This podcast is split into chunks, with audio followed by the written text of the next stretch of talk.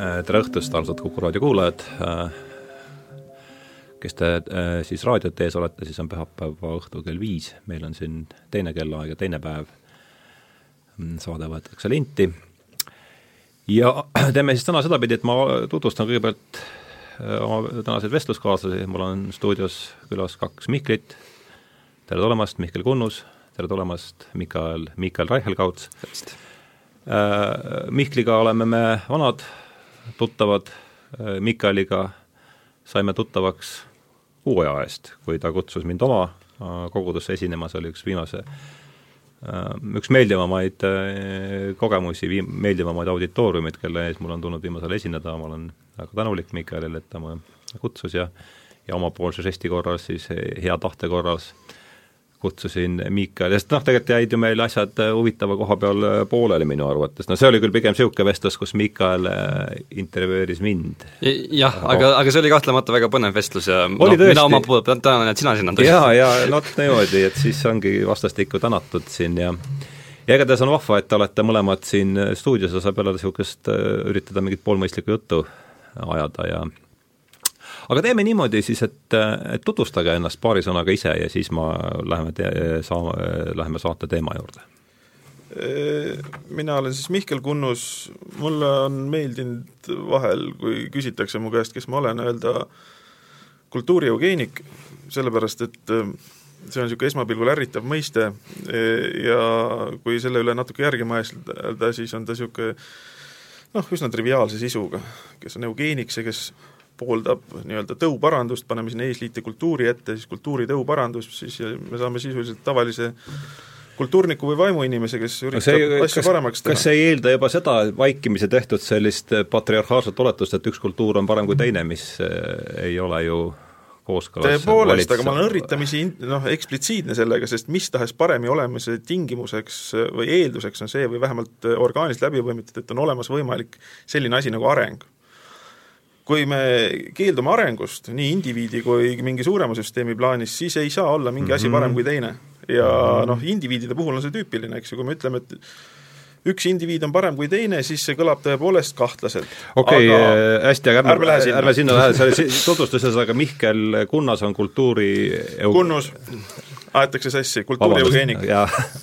Mihkel Kunnus on meil kultuurieugeenik, Mikael, kes sina oled? mina olen matemaatikatudeng praegu no ja lobiseda meeldib mulle ka, tähendab, et siis sa oled õige, oled õiges kohas, et ähm, äh, kõik tutvustuseks?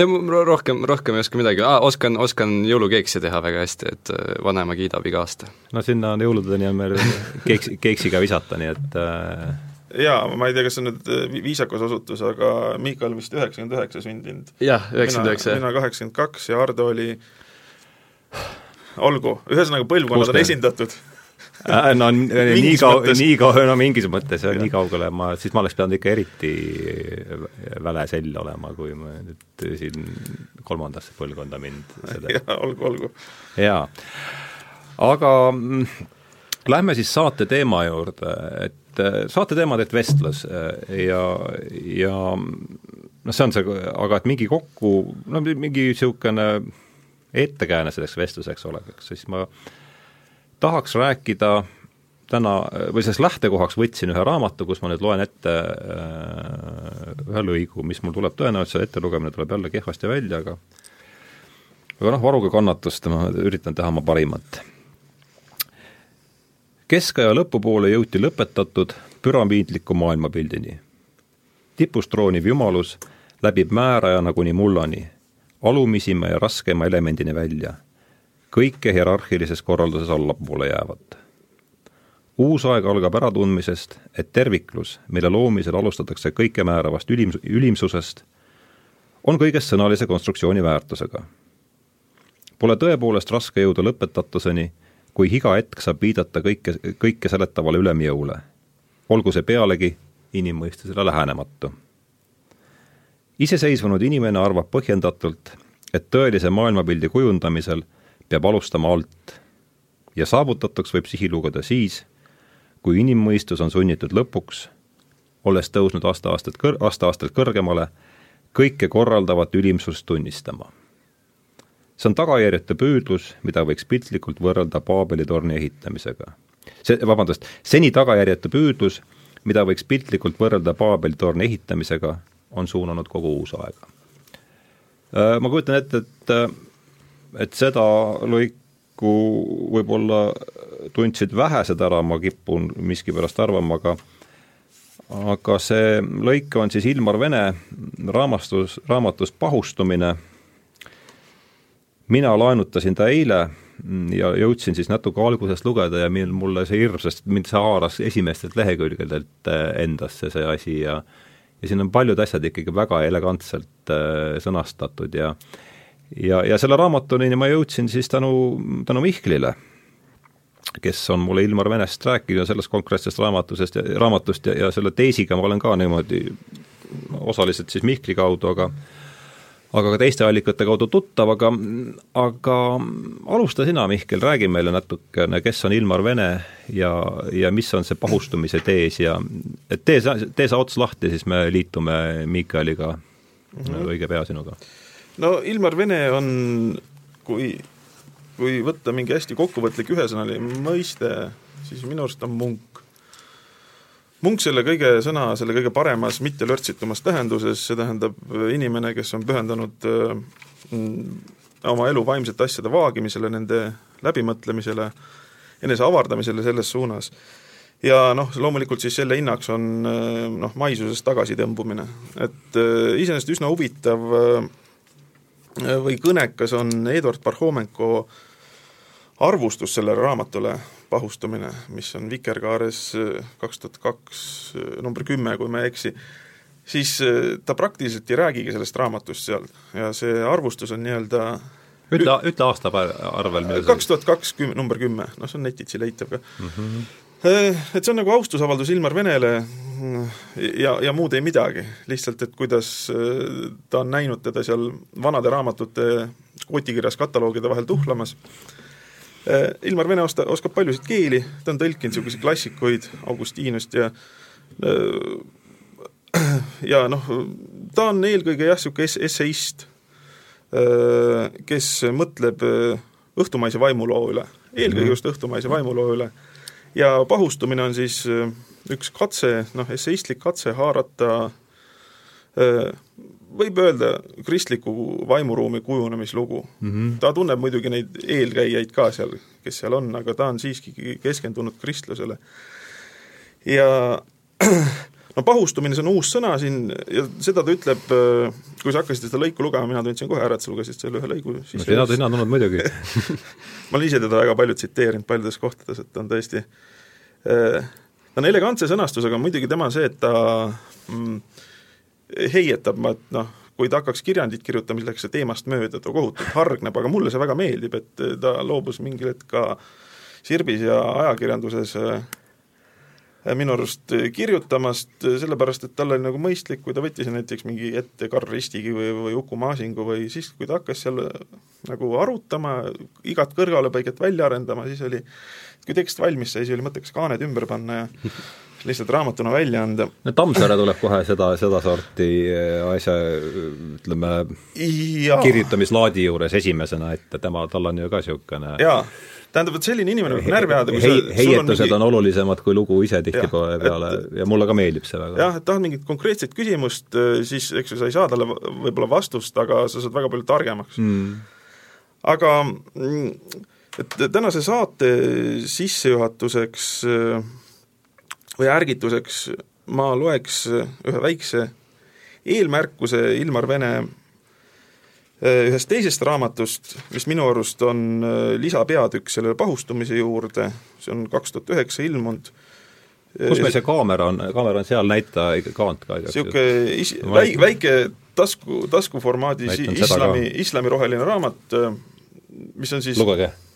ristiusu mõistatus Jumala inimesest inimjumalani ja ma loen siit väga hea pealkiri jälle. ma ütleks väga, väga tapne haakub väga hästi sellega, jah, aga loe ette, siis anname, muidu Miikalil hakkab igav, kui ta peab seal jah, ma loen selle asja ette, pikalt vaikima. Äh, siis saab kohe kommenteerida. Aa, võib-olla veel tutvustuseks üks asi, et, et kui võtta mitte nii-öelda antipood või hästi, hästi teiselt poolt lähenev inimene, Ilmar Venele, siis oleks see Kaupo Vipp, kes mm., Kaupo Vipp, eks ju, kes on niisuguse teinud Huvitav. hästi, hästi suure arengu või kirjeldusloo, kes kirjeldab ka väga avaralt, aga täiesti loodusteaduslikult, nii-öelda behavioristlikult väljastpoolt vaadatuna, siis Ilmar Vene vaatab nagu seestpoolt, vaimu poolt. et kuidas see on aja jooksul teisenenud ja kujunenud ja muutunud. et nad on nagu komplementaarsed hästi. kuskil mingi, mingi ühise tunnet, mingi ühine tunnetus tundub neil ikkagi olevat no ütleme see, mida mida Mika de Unamuno on nimetanud traagiliseks elutunnetuseks, et see on neil See- mõlemas ju ühine. jah, see sobib suurepäraselt iseenesest. Nii, aga ma loen nüüd selle eelmärkuse sellest raamatust äh, Ristiusu mõistetest siis. põhjus, miks alljärgnenud arutlused ei taha sulanduda kompaktseks tervikuks, seisneb eelkõige raskuses, millele vihjab pealkiri, käsitletava ainese mõistatuslikkuses. on sellele keegi eales osutanud? ma ei tea. küll aga tohin veendunult väita, et minu silmis see, et just kristlus ja kristlik ühiskond pidi suubuma ilmalikuks, märgib suurimat kõigist mõistatusist. kellele öelda ebaselge tundub, võtku meenutada, et ainult kristluse ajalugu lõpeb suurejoonelise reformatsiooniga, mille vältel loo- loodi alusmüür ilmalikule ellusuhtumisele. kõik teised maailma religioonid, budism, islam, hinduism, konfutsiaansus, kõnelemata juba väiksema levikuga usundeist, tunnevad ainult evolutsiooni. eales pole nende piires tuntud, et plats tuleb puhtaks teha ja uuesti alustada. Mispärast pidi selleni jõudma ainult ristiusk? antiikühiskonna tuhatkond aastat jätkunud areng suubus kristluseks ja maailma ajaloos algas viimane kristlik eoon. muud usundid, tohib ehk arvata, ei ole oma pretensioonides nii suuresõnalised olnud ja vahest seegi on nende ühtlasemale arengule kaasa aidanud. kristlus seevastu, alati ainuõige ja lõplik, vahetab täiusliku sealpoolsuse puudulikkuse siinpoolsuse vastu ja hakkab taevariiki rajama siinsamas maal mm. -hmm. mõistagi pean ma, ma mõistagi pean ma praegu silmas kristlusest võrsunud kultuuri, mitte vormitäitlemis, vormitäitelisi ütlemisi, mille ülekordamisest pole vaimulikud ikka veel tüdinud. kristlus on kaheldamatult jäänud, kuid praegu toimub ta sootuks uuel, ilmalikustunud kujul, mis vähemalt väliselt mõit-, mõjub kristluse eitusena. praeguse kristluse peasiht seisneb uute energiaallikate avastamises ja me teame, missuguseid ennekuulmatud probleemid on siinpoolsuse, siinpoolse agarusega kaasunud. see sunnibki küsima, mispärast pidi inimese ja maailma avastamine järgnema just kristlikule ajastule. on endastmõistetav, et kultuuriloolise arengu mõtestamisel ei suuda eales lõud, jõuda lõplikule, lõplikult paika pidavate seisukohtadeni. selle määrab ära juba arengu ühekordsus looduse uurimisel saab eksperimenteerida, kuid inimeste maailm loodusteaduslikkusele nõuetele ei allu.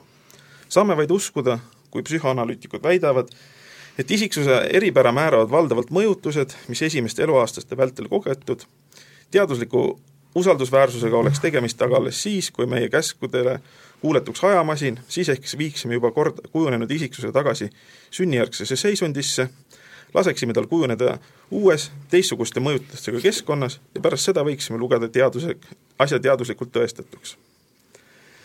kuid seni, seni sellist võimalust pole, tuleb leppida oletustega. veelgi suuremal määral kehtib ennist öeldu siis, kui indiviidi arengult oleme tähelepanu suunanud inimühiskonna arengule. ei saa me teada, mispärast pidi õhtumaalane oma vaimse energia suunama ainelise energia tootmisele, et siis lõpuks suluseisu aetuna nõutult käsi laiutada kuid vähemalt mõtestamiskatsed peaks oluline küsimus, kuid vähemalt mõtestamiskatseid peaks nii oluline küsimus väärima. okei okay,, ma juba kartsin, et sa loed meile kogu, kogu teose ette. no väike sissejuhatus hästi, aga, aga anname nüüd Mikaelile sõna, et me räägime noh, nii palju, kui ma aru saan, me räägime eks sisuliselt täna kristluse ilmalikustumisest, et äh, tule, tule sealt oma mõttega sisse, siis äh, vaatame, kus pingpong meid edasi kannab no see on huvitav, et selles käsitluses noh, kristlust samastatakse minu arust peaaegu täielikult nagu kristliku kultuuriga, eks ju, mingisuguse niisuguse nagu laialdase ühiskondliku normiga, eks ju. aga ähm, no mina, mina tahaks nagu selgelt eristada, et ühelt poolt on äh, kristlus kui usk ja siis on mingisugune kõrvalprodukt, mis on võib-olla kristlik kultuur, niinimetatud mingisugune kristlik poliitika ja mis, mis iganes veel inimesed püüavad nagu kristlikuks nimetada ähm,.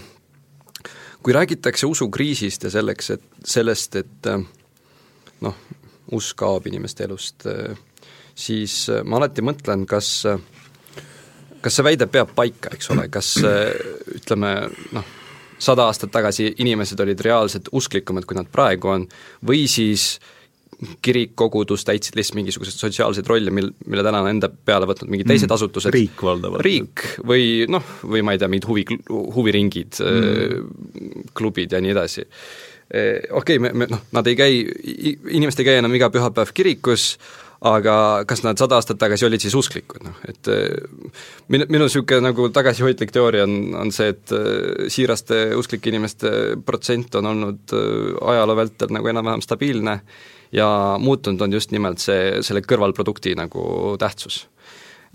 Kas mis, mis see peab nagu kõrvalproduktiks selles no, no kõrval, kõrvalprodukti all ma pean silmas siis eh, noh, nagu, nagu ma ütlesin, kogu seda kristluse nagu poliitilist tõlgendust või ühiskondlikku ja, ja, ja kristlik kultuur ja, ja, nii edasi, et noh, tihti, tihtipeale no me, me, me võime, me võime näha nagu kultuuritegelasi, kes ütlevad, ah oh, no jah, mina noh, kas või, kas või no Leonard Cohen, eks ju, suurepärane näide, tema kasutab, ta, ta on ise tegelikult juut ju, eks ju. oli, vabandust, noh, kahjuks on lahkunud, suurepärane laulja ja luuletaja. võõratu poeet, jah. jah, aga Äh, tema räägib sisuliselt kristlikus keeles, eks ole. vot see on see nii-öelda kõrvalprodukt, kui ma ütlen, et see on halb, eks ju, see, see ei ole nagu praegu nagu halvustavas tähenduses. aga ütleme nii, et äh, selle nagu seos niisuguse noh, siira kristliku usuga ja kristliku praktikaga on üsna, üsna nõrk. kas ma tohin ühe täpsustava küsimuse teha vahele? et äh, ma saan aru niimoodi, paranda mind, kui ma eksin, et sa mm, -hmm. kui, kui sa ütled kristlus kui kultuur, siis me räägime kristlusest kui poliitilisest ühiskondlikust nähtusest no.. ja, ja, ja kui sa räägid kristlusest kui usust, siis see on nagu sügav sügavalt isiklik nähtus või saan ma valesti aru? ma lihtsalt üritan aru saada sinu sellest, kuidas sa sõnu tarvitad no, praegu. jaa, see, see on, see on hea küsimus, eks ju, et äh, tihtipeale inimesed ütlevad, et noh, minu usk on minu isiklik asi ja siis nad mõtlevad selle all, et ma ei taha sellest üldse rääkida, eks ju, et see on mul kuskil seal kinnises toas, eks ju, ma, ma ei tea, panen ukse kinni ja siis hakkan palvetama ja keegi nagu ei tohiks nagu sellest, sellest osa võtta. ma, ma ei mõel-, ma ei mõtle praegu nagu seda, ma, mhm, kristlus on ikkagi, ikkagi noh, kogukonnas elamine, et ja, et selle usu puhul ikkagi palvetamine toimub äh, üheskoos, mitte üksi palvetamine toimub nii üheskoos kui ka üksi, eks ju, aga, aga nagu ei saa lahutada, et okei okay,, nüüd ma, ma, ma olen kodus, ma olen üksinda, nüüd ma olen kristlane, eks ju, siis, ma... siis ma lähen, eh, ma ei tea, tööle või või, või saatesse ja siis ma ei ole enam kristlane, et et need, need ei ole nagu eraldatavad osad, aga ärme siia siis takerdu, aga katsu veel hästi võib-olla niimoodi kontsentreeritult, see minu arvates on see oluline, et mm -hmm. kuidas sa teed seda vahet, et Kristus kui kultuur ja Kristus kui usk, et mulle tundub, et see on edasise seisukohast on nagu oluline et püüa see kuidagi niimoodi võimalikult täpselt ja lühidalt äh, lahku lüüa, lihtsalt sellel mõttel, et me saaks edasi minna niimoodi okei okay,, jah, mida tähendab minu jaoks kristlus kui usk, eks ju, mida, mida ma ütlen, äh, mida ma mõtlen selle all, kui ma ütlen, ma olen kristlane, eks ju. ma mõtlen seda, et äh, Jeesus on muutnud minu elu, eks ole. Ja ma mõtlen seda, et ma tunnistan oma patusust ning püüan nagu sellega kuidagi võidelda Jumala abiga, eks ju. Äh, samal ajal ma võin, äh, ma ei tea, äh, olla täiesti ateist ja pidada lugu Augustiinusest näiteks ja arvata, et tema on hea filosoof, kes, kellel on palju õigeid mõtteid ja kelle järgi me peaks äh, noh mm, -hmm. oma ühiskonda üles ehitama, no või, võib-olla siin nagu tuleks see vahe sisse, need asjad võivad koos eksisteerida, eks ju, võib samal ajal nautida nagu kristlikku kultuuri ja olla siiralt kristlane, eks ju, ja, ja, ja muidugi võib ka olla siiralt kristlik, kristlane ilma selleta, et sa väga palju sellesse kultuuri süveneksid. Noh, ja, ja loomulikult on see kolmas variant, kus kultuur on eraldiseisev asi, mis, mis ei ole usuga kuidagi seotud aga ma saan aru, äh, sina nüüd oled ju Venega palju rohkem tuttav kui meie siin kahekesi, eks, aga kas Vene argument ei olegi see, et me elame niikuinii? Me elame jätkuvalt kristlikus kultuuris, ainult et me kõneleme, me ei saa sellest enam ise, ise aru, et kas see jaa, jaa, Ilmar Vene nagu kindlasti näeb, näeb seda asja niimoodi või noh, kas nüüd näeb või noh, kirjeldab, käsitleb, ta vaatab tõesti seda noh, mõtteloolist arengulugu ja me sea-, me ei saa sellest äh, just tänu selle ainukordsusele, mille ta siin viitab mm,, sealt, seda, seda kristlust äh, siit kuidagi välja lahutada, aga ma saan väga hästi aru ka see, millele iseenesest äh, Miikal viitab ja kusjuures, et isegi kui me räägime niisugustest kirikukristlastest või inimesed, kes on avalikus elus väga eksplitsiitselt kristlased, me võime mõelda kas või äh, kurikuulsale sihtasutusele perekonna ja traditsiooni kaitseks või või ka peapiiskop Viilmaale või eks noh, et ei, enam ei saa kristlasemaks minna mingis mõttes. aga kas nad viitavad Jeesusele või kas nad apelleerivad Jeesuse lunastussõnumile või kas nad üldse apelleerivad Jeesusele kui autoriteedile, siis seda praktiliselt ei kohta.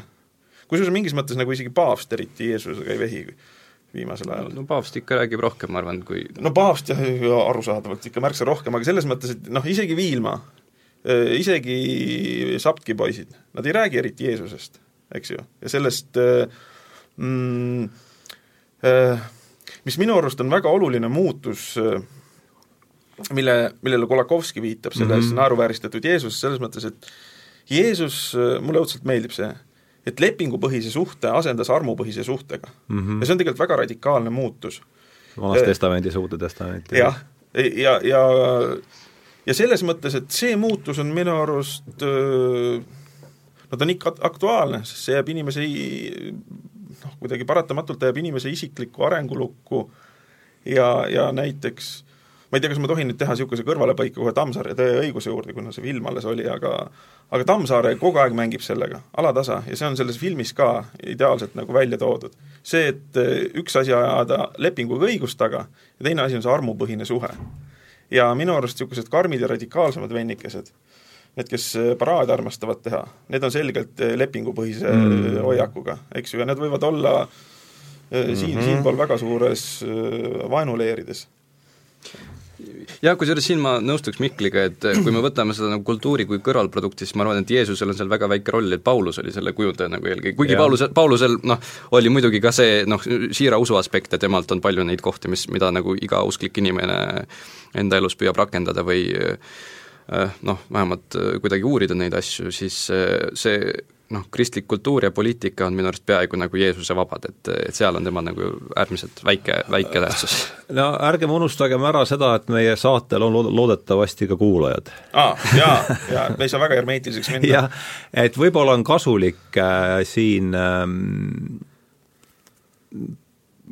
veel kord, me ei saa, see vääriks omaette saadet või saatesarja, eks, aga natukene seda Pauluse, Pauluse rolli lihtsalt lahti seletada kumbki mõne lausega, et jah, vastandada eh, siis Pauluse ja Jeesuse rolli kristluse arengus, et see on no tähendab, Paulus kirjutas suurema osa Uuest Testamendist, eks ju, sellest tuleb alustada, eks, et mm -hmm. Jeesuselt, Jeesus ise ei kirjutanud ühtegi teksti no võib-olla kirjutas, aga noh, igatahes pole, pole jäänud. Äh, ja selles suhtes äh, kogu nagu kristlik teoloogia ikkagi noh, seal alates kolmainsuse doktriinist ja lõpetades mingisuguste väga praktiliste eetiliste küsimustega, kõik need on tegelikult minu arust nagu Pauluse kujundatud, sest et Jeesus oli äh, Jeesus oli just jah, see kar-, niisugune nagu karismaatiline jutlustaja, kes äh, rääkis äh, armu, armusuhete tulekust lepingusuhete asemele ja noh, kes siis äh, mina usun, suri inimeste eest ja lunastas sellega nende patud ja tõusis üles kolmandal päeval, eks ju. aga noh, Paulus oli nüüd nii-öelda peaideoloog, kui, kui võib niimoodi öelda ja, ja tema, tema minu arust kujundas nagu suurema osa sellest, eh, mida me üldse täna nagu kristluseks eh, peame nii puht, puhtteoloogiliselt see on väga oluline, et kes nüüd meid siiamaani edasi on viitsinud kuulata, et see on see on oluline koht, Mihkel. jaa, aga ma tahaks jälle nagu nüüd kas nüüd norida või näidata seda, et eks ju, et Paulusel on minu arust mõningad väga olulised kohad, üks koht ütleb see, kui Jeesus ei ole üles tõusnud, siis on meie usk tühine et see on nüüd väga oluline muudatus. Ja kusjuures minu arust seda rõhutab ka näiteks Spengler, Spengler mm -hmm. ütleb, et äh, ainult see mõistab Jeesuse sõnade tõelist raskust, kes võtab tõsiselt sõnu, minu riik ei ole sellest maailmast. Ja ilmavalikustumisprotsessis on minu arust tuuakse see riik siia maailma ära, eks? jah, just unustatakse see väi-, väike, väikses kirjas alla kirjutatud märkus ära, et see riik ei ole sellest maailmast, see vaikselt unustatakse ära ja näguga unustatakse ära see surnust ülestõusmise aspekt ja see, ja siin on näiteks minu arust on ka väga suur äh, lahku kaska, kasvamine islamist, nad on ju sugulasreligioonid ometigi iseenesest olnud, aga see, et äh, noh, minu arust üks väga hea marker, väga lihtne marker, kas meie elukorraldust orienteerib surmajärgsus või mitte. minu arust on see väga selge marker. et äh, kui ori-, kui meie praegune elu, siinpoolne elu on orienteeritud surmajärgsusest, siis me oleme nagu mingis mõttes, usume kas ütleme siis noh, mida äh, nagu noh, me oleme nagu korralikud moslemid siis või me oleme korralikud kristlased natuke arhailisemas mõttes, eks. et äh, aga teine asi minu arust, mis tähendab siis ilmalikkust, on see, et me võtame kogu, kogu litaka surmaeelselt proovime välja võtta. ja see iseenesest äh, on üsna, üsna radikaalne elutunde muudatus või erinevus. kas me siin ei, mul jäi kõrva see lause, et siinpoolne elu on orienteeritud surmajärgsusest ja ma üritasin seda kuidagi niisuguse Saviski filosoofile arusaadavasse keelde tõlkida, et et kas see pole ikkagi mitte see, et kas me kaupleme põrgu või paradiisiga? ja et kas, kas no kas siin ei käiks siis materialistlik, materialismi ja, ja sisuliselt käib jutt ikkagi materialismi ja idealismi igikestvast vastuolust, kas mitte? Või, või võib-olla mingil määral jah, aga noh, see, see, see sõna kauplemine, see on võib-olla natuke nagu halb siin, et no see on pisendav ja ärritav muidugi. Te nimetate niisuguseid asju. et, et noh, ma, igavikuline aspekt on muidugi kristluses olemas ja ta on nagu keskne aspekt ka, et seda, seda ei saa nagu kuidagi, kuidagi vältida, aga noh, mi-, minu arust, minu arust piiblist ikkagi tuleb, tuleb välja ka see idee, et ligimese armastus on äh, voorus nagu iseenesest, eks ju, et ma, ma ei, ma ei pea nagu ligimest armastama selleks, et midagi vastu saada, eks no see on see, eks ole, see lepingupõhiselt läheb armastuspõhiseks äh, või armu, armupõhiseks äh, ja, ja, ja, ja no üld, üldiselt kogu nagu see Uue Testamendi võib-olla niisugune põhisõnum, et on see, et okei okay,, sa, sa, sa teed võib-olla mingit äh, Äh, mingeid asju, mida sa oled kohustatud tegema, eks ju, mis selleks, et noh, ma ei tea, olla seal heausklik ja taevarikki pääseda, aga mida sa ekstra veel teed, nagu see noh, seda küsimust püstitakse nagu korduvalt, et ma, ma ei oska praegu võib-olla konkreetseid tsitaate tuua, aga noh Uue, Uues Testamendis? ja, ja, ja, ja selles, selles, no Vanas Testamendis ka muidugi, et õpetussõnadest näiteks äh, hea moment, et äh, sa võid äh, Äh, olla heade teel, eks ju, ja siis õigete rajal, eks ole, et heade tee on see nagu lai mõiste, kõik nii-öelda noh, head inimesed, kes enam-vähem nagu seadust täidavad ja käituvad õiglaselt, nemad äh, on sellel laial heade teel. ja siis on õigete rada, mis on kitsas. see on, see on nüüd õpetussõnadest? õpetussõnadest jah, et kolma, kolmas peatükk, kui ma ei eksi. ja, ja, ja noh, üks, üks hea niisugune juudi õpetuslugu sellest oli, et kaks, või noh, tähendab üks, üks rikas mees äh, palkas endale töölised, kes äh, pidid siis mingisugust veinitünni kuskile vedama ja nemad tegid selle katki. ja noh, tema võttis siis neile, selle kompensatsiooniks nende mantleid ära. Äh, aga siis need mehed läksid rabi juurde ja kaebasid rabile, et kuule, ta võttis meie mantlid ära ja siis rabi ütles, et kuule, anna neile mantlid tagasi. see mees küsis, et kas see on siis seaduses kirjas, rabi ütles, et käi-, ole, ole siis nende heade teel, eks ju, anna neile, anna neile need mantlid tagasi, et olla natuke ekstra, eks. ja siis ta andis mantlid tagasi, aga mehed ei olnud ikka rahul, nad ütlesid, et nad tahavad palka ka saada, sest et nad äh, pole terve päev söönud ja siis äh, noh, see rikas mees oli muidugi väga pahane, et noh, mis mõttes, nad tegid mul tünni kat-, katki, mina olen nüüd kahjumis, aga ma pean nendele veel palka maksma selle eest, Rabbi ütles, et aga nüüd mine õigete rajale, eks, mis on kitsas ja mis on nagu välja valitutele, et tee ka veel see ekstra samm nagu ära, sest et äh, noh, see on, see on nagu usu olemas. lihtsalt ja ärme siia takerdu, aga, aga kui Pauluse peale juba jutt läks, siis eks, eks Pauluse, võib-olla see on ka oluline, mis vääriks siin äramärkimist, et et kui Jeesuse see järglaskond oli ikkagi mingi niisugune juudi ju apokalüptiline sekt sisuliselt, siis äh, Paulus viib selle paganate sekka selle ja sellel on omad, äh, kui me nüüd räägime üldse sellest äh, selles, kuidas see asi sealt edasi areneb ja kuidas ta siiamaani mhm. jõuab, on sellel on minu meelest oma väga oluline roll, kas või mitte? jah, et äh, mitte niivõrd paganate hulka, vaid äh, noh, kust tuleb see üldinimlikkus no kõik pagan on ju defineeritud ja. nii, et kõik, kes ei olnud juudid, selles kontekstis. jah, ja selles mõttes, et eks ju, kust tuleb see üldinimlik impulss, et, et see on kindlasti väga oluline, et äh, äh, mul tuleb meelde, kuidas äh, Setembriini seletas jõuluõhtul väga, väga toredalt, et äh, me teeskleme siin ühe puussepapaja sünnipäeva tähistamist, eks ju, see, kas ta olemas oli või mitte, see pole oluline, küll aga sündis siis inimeste ühetaolisuse aade ja, ja nii-öelda see liberaalse demokraatia aade. ja seal on juba see pahustumise, seal ta võtab ju selle ja. pahustumise säsi kokku, eks ole. jah, et, et see, seal tekkis selline mõte, et iga inimene võiks midagi väärt olla kuidagi niimoodi ja sisse panna kuidagi noh, nojah, seal, seal tuli see, et kõik, kõik inimesed on Jumala ees võrdsed, eks mm. -hmm. Noh muidugi, muidugi taolist mõtet on tekkinud ka teistes kultuurides, mul tuleb meelde see linna, Linnart Mälli humanistlike baastekstide kontseptsioon, aga jah, üks niisugune impulss iga, igatahes äh, toona leekima hakkas, mille kohta ma olen ka öelnud seda, et noh, Jeesus ütles, et maised hierarhiad ei loe, eks ju, üldinimsuse kõrval. et see on nagu väga-väga oluline impulss, mis on minu arust nagu kultuuris säilinud, mida üritatakse kogu aeg hoida, maised hierarhiad ei loe. aga nagu niisugune suur vastuolu tulebki sellega, et kui meil ainult main, mainemaailm ongi, eks ju, teispoolsus nagu ei puutu asjasse. iseenesest see saabki lugeda.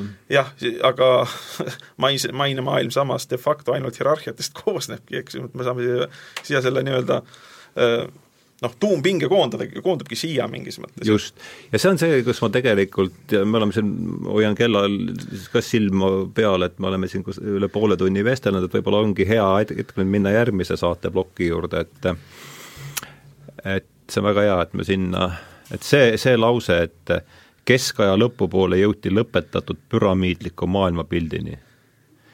tipus trooniv jumalus läbib määrajana kuni, kuni mullani, alumisima ja raskema elemendini välja, kõik hierarhilises korralduses allapoole jäävad, noh, see on niisugune lause, mida on nüüd siin parem lugeda kui ise lugeda kui ette lugeda, aga see Ei, püramiidlik maailmapilt, et et jah, Jeesuse õpetuse järgi äh, maised hierarhiad ei loe, kui me näed, maine elu ongi, siis noh, kui me seda, seda kohutavat kisa praegu vaatame, mis õues on, see kõik käib ju, see paljuski kõige sellisel mm -hmm. kõrgemal abstraktsiooni tasandil käibki minu meelest sedasama, kas meil on püramiidlik maailmapilt äh, ja kas ta peaks püramiidlik olema, et mis sina, kas sulle, kas sulle ei tundu see, et et kogu see, et noh, nende vastuolude tuum, mida me enda ümber praegu näeme, käib paljuski sellesama püramiidliku maailm, kas, kas elu ise on seadnud meid hierarhiatesse mm -hmm. või mitte. ja, ja no ma lihtsalt ja, ja. pillan sulle selle, soodan sulle palli, et vaata, mis sa sellega peale no,. siin Nassim Talebil oli minu arust äh, väga hea ütlus, et äh, keegi ei pahanda Grisha Perelmanni peale sellepärast, et äh, tema on matemaatikas eriti pädev, eks ju, see noh, me saame aru, et see mees on geenius, eks ju, tema on terve elu kõvasti vaeva näinud selleks, et noh, mingi tasemeni jõuda oma erialal ja keegi ei pahanda selle pärast, et tema on püramiidi tipus, eks ole. see ei, ma, no ma, ma ei tunne inimesi, keda see oleks nagu ärritanud. aga inimesi ärritab see, kui nad näevad, et, et keegi on nagu ebaõiglaselt sinna saanud või, või noh, et, et kellelgi on võib-olla mingisugune äh, õigustamata eelis, mille tõttu on ta sinna jõudnud, eks, ja, ja selle vastu minu arust protesteeritakse tänapäeval kõige rohkem. aga nüüd, no ma ei tea, kas see on nüüd päris niisugune äh, teemaväline kõrvalepõige, mul lihtsalt meenus noh, et, et sa ütlesid, et kesk, mitte sina, vaid, vaid sa tsiteerisid sealt raamatust, keskajal jõuti selle püramiidi maailmapildini. mis on huvitav, et äh, lugesin äh, mingi aeg tagasi Sinise Äratuse EKRE noorte äh, juhi artiklit ja, ja tema seal kes nagu, seda, seda puhvetit juhib üldse praegu? Eh, Ruuben Kaalep, okei okay., ja tema, tema kirjutas siis noh, et tema, tema hakkas seda liberaalset ideoloogiat nagu kritiseerima ja, ja noh, ütles, et kogu kogu see progressivism, kust see alus, alguse võtab, eks? Tema alu-, alustas minu arust Augustinusest ja Aquino Toomasest, eks? Ju, täpselt keskaegsetest kristlikest filosoofidest, eks, ja, ja, ja sealt, nende kritiseerimisest ta siis alustas ka nii-öelda sel-, oma nii-öelda seda püramiidi õigustust, eks ju, et miks ikkagi noh, mõned rahvad on paremad kui teised ja nii edasi.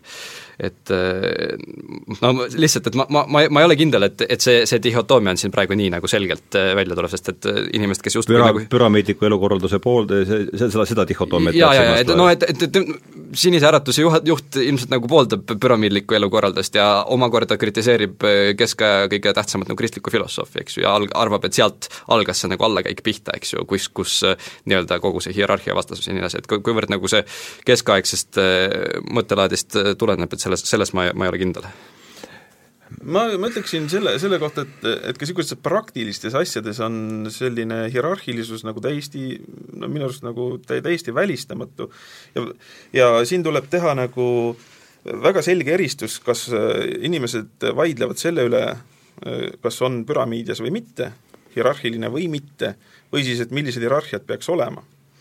et, et see on üsna, üsna oluline erinevus, et noh, võib olla ka täiesti lihtsalt, et on küll absoluutne hierarhia, ainult saatan on seal otsas või, või noh, eks niisugune kristlik satanism või või et kes on seal hierarhia tipus, et selle üle saab väga, väga palju vaielda. Aga, aga minu arust see pinge tuleb sellest, et kuidas nii-öelda transcendentaalne üldinimlikkus konverteerida niimoodi ainelisse piiratud maailma, ilma et keegi seda tähele paneks valutult, eks ju, või ilma, et keegi kisama hakkaks. sest noh, me võime võtta juba sellise lihtsa slogani, ma ütleks religioosset laadi slogani nagu erinevad, aga võrdsed, mis on noh, mingis mõttes nagu vastuoluline või noh, iga inimene on midagi väärt või midagi, et noh, ta on, ta on küll lihtsalt teistsugune, et me võime öelda täiesti ilmselgelt halvemas olukorras oleva inimese kohta, et noh, kellel on seal no kelle, kelle halvemuses me ei saa kahelda. Noh, me võime võtta mingi puuetega inimesega nüüd või või noh, kunagi oli niisugune hea sõna invaliid, invalid, eks ju, invalid mida enam eriti ei kasutata, sest eks ju see on liiga, liiga otsene ja ilmne viide tema kuidagi mingis mõttes alaväärsusele. ja niisuguseid asju ei taheta kasutada, seda nagu häbenetakse, see on piinlik. Ja, ja, ja, ja noh, mida, mida nii-öelda selle ilmse vastuoluga hakata peale? Ilmne vast- äh,, ilmne vastuolu siis, eks Il, ilmne, ilm, noh, et on ilmne, et osad inimesed on palju halvemates seisukohtades, seisu, olukordades Ilmar Vene ütleb ka seda, et noh, Prantsuse revolutsiooni aeg hakata kellelegi näpuga näitama, ütlema, et see on ilmses halvemuses, seda sai inimsuse vaenlane. et kui see jumal sealt ära kadus, siis jäi nagu üldinimsus, mis on ka nii-öelda praegu üsna, üsna noh, humanismis kuskil peidus, et äh, meil, meil kõigis on inimsus, ja nüüd räägitakse inimväärikusest, mis on ka jälle suurepärane mõiste, mida see tähendab. kui räägitakse inimväärsest elust, keegi ei vaidle, kui öeldakse, et igal inimesel peab olema tagatud inimväärne elu. aga niipea, kui me lähme, et mis see tegelikult tähendab, inimväärne elu, siis see tähendab noh, suuremat jõukust, suuremat varakust mingis mõttes, eks ju, suuremat ainelisust, varustatust, ja niipea, kui me lähme siia konkreetselt ainelisse maailma, millega me põrkame kokku, me põrkame kokku Miikaeli professiooniga ehk matemaatikaga. ja ma tahangi sinna jõuda, ma tahangi jõuda sinnani, kuhu me jõudsime eelmises saates, kui juttu oli hoopis pensionitest. aga see, et mulle tundub, et selles matemaatilises reaalsuses me oleme ikkagi lõpuks vastamisi Pareto jaotusega. et äh, mis tahes, noh jälle mis tahes, mis tundub olevat üks Matteuse printsiip, eks ju, noh. no põhimõtteliselt Mattuse printsiip jah, et need, kellel on, neile antakse seal see, neil, kel ei ole, sealt võetakse seegi ära, mis neil on, et see tundub olevat see, kuidas reaalsus, nii nagu me seda tajume, on, on, on ehitatud, mis sa sellest arvad, Mihkel, sellest? ei no pa-, Pareto jaotus, mina oma kursuse näitel tunnen seda, kuidas äh, kaks inimest üldjuhul teevad äh, suurema osa nagu tööst ära, et selles suhtes äh, väga andekad inimesed ja noh, minul niisugusel keskpärasel tudengil ikka võtab tükk aega, kui, kui ma nende mingisugusele väiksele sammule nagu järele jõuan. no see tuleb mul väga tuttav oma tudengi, tudengipõlvest ette, see pilt, jah. aga, aga samas noh, Äh, nüüd ongi see, noh, me, me tuleme tagasi sinna Grisha Perelmanni näite juurde, eks ju, et äh, paratamatult kõige targemad matemaatikud ei ole üldjuhul kõige rikkamad inimesed ühiskonnas, eks ju, äh, ja see, kuidas nii-öelda heaolu jaotub, et heaolu ei jaotu nagu proportsionaalselt äh, oskustega või proportsionaalselt selle hüvega, mida inimene maailmale toob, eks ju. ja see on võib-olla see, mis inimestes protesti tekitab. ja noh, mille, mille vastu nagu mässatakse, tahetakse nagu seda ausalt Pareto jaotust, kus okei okay,, mina teen kaheksakümmend protsenti tööst ära ja siis mina saan ka kaheksakümmend protsenti nagu rahast. aga kui, kui on vastupidi, et, et mina teen kaheksakümmend protsenti, aga siis mingisugune teine vend noh, ma ei tea, kes, kes on osav võib-olla reklaaminduses või nii, tema saab kogu kasumi endale, siis, siis see tekitab pahameelt, eks. vot ma teen, ma tooksin siia minu arust olulise märkuse, et tõepoolest, vot, vot mida tihti arvatakse ja minu arust on väga sügav eksiarvamus, on see, et õiglus toob mingis mõttes rahu ja rahulolu. et õiglus toob rahu ja rahulolu, ei too ütleme nüüd niimoodi, tõepoolest saabki kaheksakümmend protsenti nutsust saab see terane matemaatik. Ja teised saavad, teised jaotavad omavahel ära selle ülejäänud kakskümmend protsenti. et see toob rahu maa peale, ei too tegelikult. sellepärast, et mida ma sageli tegin, oli niimoodi, ma küsisin oma õpilaste käest, vaatasin neile silma, niimoodi klassi ees küsisin, kas tahate, ma hindan teid õiglaselt eks ju, ja nii kui mina küsisin, siis vähesed julgesid öelda, hinda jah, eks ju. ei, sest asi on selles, et selle õigluse teine pool on see, et väga paljud saavad aru, et nad ei väärigi paremat, eks ju. ja sealt tuleb see vimm, vimm edukamate vastu, eks ju, ja see paneb need asjad teeb halvaks. ja mis, mis, mis saab, kuidas saada, eks ju, vimma vastu, see on see oluline probleem. mõista, et, et mis, mis, kas see inimene rahuneb maha, muutub õnnelikuks, säravaks ja sussuks, kui ta järsku saab aru, et mul ei ole midagi, aga tegelikult ma olengi selline andetu luuser. ega see, see ei rahusta teda, see mõte ei rahusta, eks ju, see paneb hoopis tõrvikut haarama mm.. Mi-, milleks, eks või mida, või, või sirpi. või sirpi või mida iganes, eks ju, ja, ja sest seda, seda, seda noh, õiglust tuleb ju tempida täiesti selliste asjadega nagu noh, alastus, saatus, armastus mm. ja sellised asjad minu arust, mis on, mis on kuidagi vääramatud või väga ilusti äh, näiteks, äh, mis juhtus idioodis Hippolytiga. inimene saab aru, et ta on surmahaige mm. -hmm. mitte keegi ei ole selles süüdi, see on lihtsalt halb õnn, eks ju. aga, aga noh, temas pulbitseb sees, miks ma pean sellega leppima ja siis, eks ju, idioot, noh, alias Jeesus mingis mõttes ütleb, et anna neile nende õnn andeks ja mine neist jah, see on, äh, see on mul ka hästi meeles jah, see koht, jah. et see on väga särav koht, eks ju, anna, anna neile andke nende... meile meie õnn andeks, jah, see oli, see on tal päris hästi see, sest noh, mis see, mis see õnn on, eks ju, õnn on see, et sul on kuidagi vedanud mulle, mulle meeldib eesti keel, eesti keel on mõnusalt hägune siin mm., see, see noh, happiness and luck, eks ju, kuidagi sulavad, mis see õnn on, eks ju, et sul, sul on kuidagi vedanud. et äh, loodus või juhuslik saatus, eks ju, mida varem omistati Jumala, on andnud sulle kätte kuidagi head kaardid. Äh, aga loomulikult see tähendab ka seda, et väga paljudel teistel on antud halvad kaardid. ja noh, nagu Maslow ütles, eks ju, et kui me anname igale potentsiaalile täisvõimsuse areneda, siis see tähendab ühtlasi halbade potentsiaalide tunnistamist, et need on olemas. ja noh, nagu Vene toob välja, et kommunistlikul ajastul kui tulid välja mingid teadlased, kes hakkasid ütlema, et äh, loodus on nii üles ehitatud, et äh, osad saavad parema positsiooni, osad saavad halvema positsiooni. mis on nagu ilmselgelt vastuolus äh, kristlike religioossete unistustega, no siis lihtsalt peksa, piitsa, löödi maha sellised geneetikud, eks Äh, noh, mõnda isegi autati seal. ja äh, ja siin noh, mida ma siin Ilmar Vene raamatust olen tsiteerinud, kus ta ütleb ka, et noh, me saame aru, kui meie saatus on geenidesse ette kirjutatud, eks ju, siis sellist asja lihtsalt ei tohi olla, eks ju. geneetilist determineeritust ei tohi olla, noh õnneks ka väga nii jäika ei ole, eks ju, aga et meil on tugevad et noh, üks asi olekski, kuidas väljendada neid religioosseid igatsusi Äh, on see, et äh, meil on mingid teatud oot-, ootused ja eeldused maailmale, mida mõistus ei suuda purustada. Need igatsused jäävad. et äh, ma tean, et sul tuleb Popperi kursus ja Popper ütleb seda avatud ühiskonna vaenlaste sissejuhatuse lõpus ka, et miks need totalitaristlikud ideoloogiad kogu aeg taas üles kerkivad, on see, et et see reaalsus ei suuda kuidagi rahuldada neid religioosseid igatsusi ja unelmaid, mis meil on. mitte kunagi mingis mõttes noh, võrdsus, võrdsuse mürk käib sinna juurde, eks ju, see unistus sellest, et äh, on noh, korraga kõik, kõik on hästi. no ideaale ei saa kunagi kätte, aga neile võib nagu läheneda, et äh, küsimus ei ole selles, kas me saame sada protsenti, küsimus on selles, kas me saame need seitsekümmend protsenti täis näiteks või no või, või nii. nii, aga ma küsiks ikkagi, tuleks tagasi selle Pareto juurde, et kui sa tunnistad seda või kui me tunnistame seda, et Pareto jaotus iseloomustab paljut, paljult seda, kuidas loodus on üles ehitatud, siis siit no me jõuame pea loogiliselt selleni, et et hierarhiad on möödapääsmatud. Mingisugused hierarhiad kindlasti, eks ju, aga noh me, me ei saa ilma nendeta, kas me, kas me siin saame, kas me no selleks, et me saaksime edasi minna, et kas me siin äh, saame omavahel kokku leppida, et see tundub ole, mitte et see oleks kuidas ma nüüd ütlen, et see oleks lihtsalt edasise jutuajamise huvides, kui me suudaksime siin tõdeda, et jah, me oleme, me oleme määratud elama hierarhiates. ma teeksin olulise märkuse selles, et äh, hierarhiad kerkivad esile ise, isevooluliselt vabaduse tingimustes. ja, ja see on ju see konflikt, kuidas on hakatud üritama hierarhiatest lahti saada. Vabadus tuleb ära kaotada, eks ju.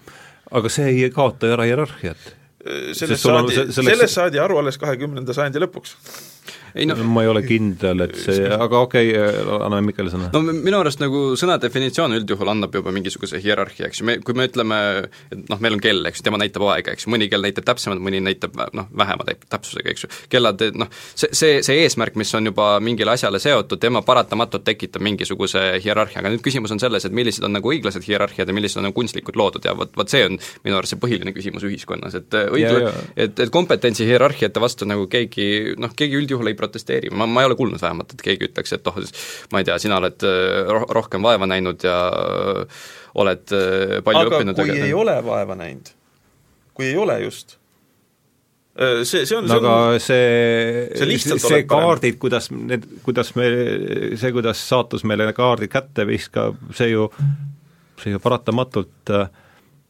tingib selle, et samade tulemuste saamiseks peab mõni nägema kümme korda rohkem vaeva kui teine. vot, ja siin on minu arust üks olul-, oluline mis vahe. mis me teeme siis? oluline vahe näiteks, kuidas peaks töötasu jaotama, siin on täiesti vastandlikud intuitsioonid. üks on see, mis on niisugune behavioristlik tulemuse järgi. kellel on rohkem tulemust, see rohkem saab. ja siis on sellele, ma ütleks, kunagi olid nad märksa lähemalt seotud, aga vaeva järgi ja näiteks noh, kahekümnenda sajandi alguses eh, Nõukogude maal niisugustes nii-öelda viljakates tingimustes tuligi niisugusele ideedele, inimesel tuleb palka maksta nähtud vaeva järgi, mitte tulemuse järgi. ja see tähendab, et igasugused eh, pastakakeerutajad saavad kindlasti vähem kui labidamehed oligi kohe plaan minu arust, kui ma ei eksi, siis töötasu siduda füüsiliselt mõõdetavate kaloritega, eks. Lenin oli suur Taylori fänn ka, et et, et noh, ja, ja siin on nagu oluline konflikt, eks ju va-, kui me vaatame nüüd jah, mis õue kuigi Taylor ajas küll tõhusust taga, mitte ja. niivõrd, aga noh, idee oli see, et ikkagi pidi brigadier olema stopperiga sul kõrval kogu aeg. näiteks, eks ju, väga raske töö, omastehooldus või hooldushaiglas töötamine, sisuliselt inimeste suretamine, väga raske töö. mis sellest kasu on? mitte midagi, eks ju, see on tühi vaev, võiks öelda niimoodi karmipilguliselt. Äh, aga tihti me kuuleme seda Äh, noh, retoorikat, eks ju, et kas, kas näiteks auto parandamine on siis äh, raskem kui laste kasvatamine. no tõenäoliselt ma olen näinud töötavaid äh, lasteaiakasvatajaid, minu arust see on põrgulikult raske töö, põrgulikult raske, aga noh, ta tegelikult nagu, nagu Jordan Peterson väga hästi minu arust ütleb, et meie ühiskond on praegu nii üles ehitatud, et ta ei suuda kuidagi hakkama saada projektidega, mille kasumlikkus on kahekümne aasta peale venitatud, mis noh, inimese puhul on, mm. eks ju noh et, et ähm, matemaatikutel kaotati näiteks stipendiumid ära. no näed, kas see on õiglane no nii, aga ma tuleks ikkagi siis vahekokkuvõtte juurde tagasi, et me kolmekesi oleme siin laua taga ühes asjas ühel meelel, et hierarhiad on ilmselt paratamatud, vähemasti selle liigi, bioloogilise liigi hulgas, kuhu me kuulume. ma ütleks sügavamal. tähendab isegi niimoodi, et ma olen öelnud, et noh, nojah, see Pareto jaotus iseloomustab ju, iseloomustab ju mitte, mitte ainult seda, vaid ka jah, tõepoolest ka mõningaid taevatähti ja niimoodi, aga piir, noh, jätame vabaduse sfääri alles, püsime eluga.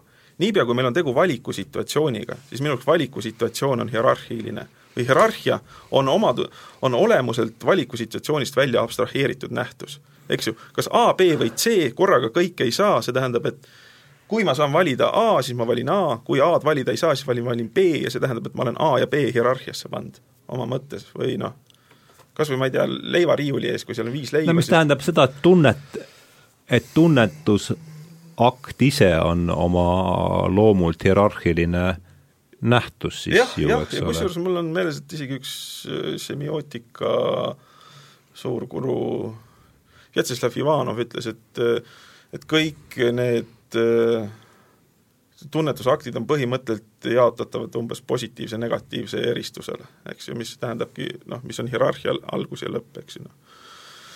et äh, Peet Lepiku raamatus oli vist kuskil niimoodi, et äh, et minu arust nagu see on nagu põhimõtteliselt täiesti välja juurimatu. ja iseenesest ka see, et kui me ütleme, et võrdne ühiskond on parem kui mitte hierarhiline, siis me tahame, et võrdne on hierarhias kõrgemal, meie eelistuses hierarhias kõrgemal just, kui mujal, eks, et see on nagu täiesti väljapääsmatu minu arust. et oled sa sellega nõus, et äh, ja, ja anna ainult äh, tuld, kui ei ole, et, et tunnetusakt ise on oma loomult hierarhiline, see eeldab seda, et mingid valikud on no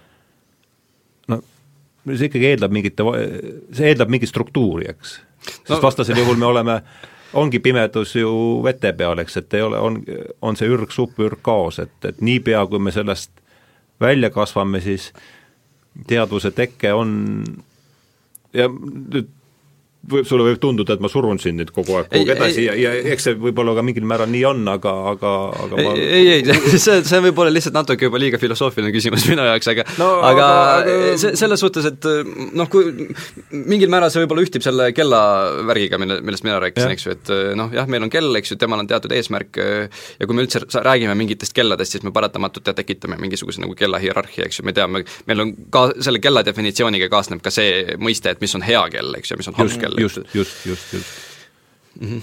jah, selles suhtes, selles suhtes ma olen nõus, jah.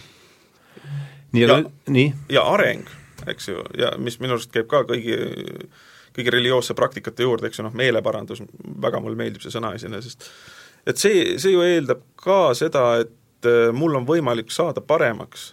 ja see tähendab, et minu, mida tähendab paremaks saamine, see tähendab, et minu omaduste komplekt A muutub omaduste komplektiks B ja omaduste komplekt B on parem kui omaduste komplekt A. eks ju, siiamaani me oleme, on kõik üldiselt rahul, kui me seda me räägime, aga häda läheb siis, kui ma ütlen niimoodi, et minul on juba omaduste komplekt B, aga no, ümbritsev... Miikael on veel omaduste komplektiga A, järelikult mina olen parem, eks ju mm, kui Miikael, et noh, kohe tuleb sisse see, eks ju, et noh, see, nii kui staatika ära kaotame maailmast, siis on kohe näha, eks ju ja, ja kusjuures Uku Masing mulle meeldis, et tema ütles, et noh, patu kõige parem definitsioon ongi see, et äh, ma pole täna parem kui eile. et see on nagu patustamine. ja parem eeldab juba, et on olemas väärtuste jah, et on suund. väärtuste hierarhia. selle Matteuse printsiibiga võib-olla jällegi ja räägime sellest et, et see, tegelikult mulle tundub, et see on see, see mõte, mis nüüd kõlas, et, et nendelt, kellel, kellel on vähe, nendelt võetakse, eks ju, ja neil, kellel on palju, nendelt, nemad saavad nagu juurde, et, et see on ja, nagu, nagu natuke poolik loo tõlgendus, eks ju, sest loo, loos oli kuidas ja see ei ole, ja see ei ole ettekirjutav printsiip mm, -hmm. vaid pigem, eks ole, kirjeldav see, kuidas asjad kipuvad olema. ja, ja, aga, aga kui me tuleme tagasi selle originaalse piibliloo juurde, siis kuidas seal oli, et minu arust ühele anti kümme talenti, eks ju, teisele mingi viis või, või kolm, no vahet pole, eks ju, mingisugune vahepealne arv ja siis kolmandale anti üks, eks ju. aga, aga lõpuks tegelikult äh, see, kellel oli kümme, tema sai veel kümme juurde, eks ju, see, kellel oli viis, sai veel viis juurde ja isand nagu kiitis neid mõlemaid sama, sama palju, eks ole. et siin oli see nagu proportsionaalsuse tingimus, mida ta, miks ta kritiseeris seda, kellel oli üks talent, mitte sellepärast, et tema ei saavutanud sama palju kui see, kellel oli kümme, vaid sellepärast, et ta ei kasutanud ära oma potentsiaali, eks ju, see oli see probleem mm. -hmm. Ja, ja see oli tema kriitika nagu nii-öelda selle halva orja suhtes, eks ju minu arust ei tohi seda, seda siin loo puhul ära unustada.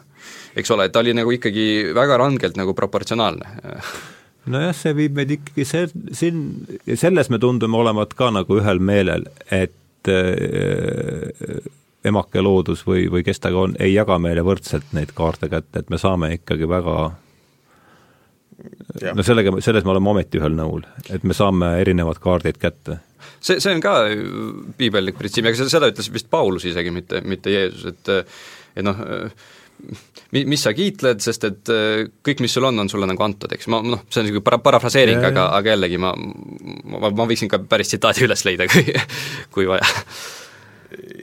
jah, jah, muidugi. Jah, ja see kipub, ja see kipub eriti sellel edukamal osal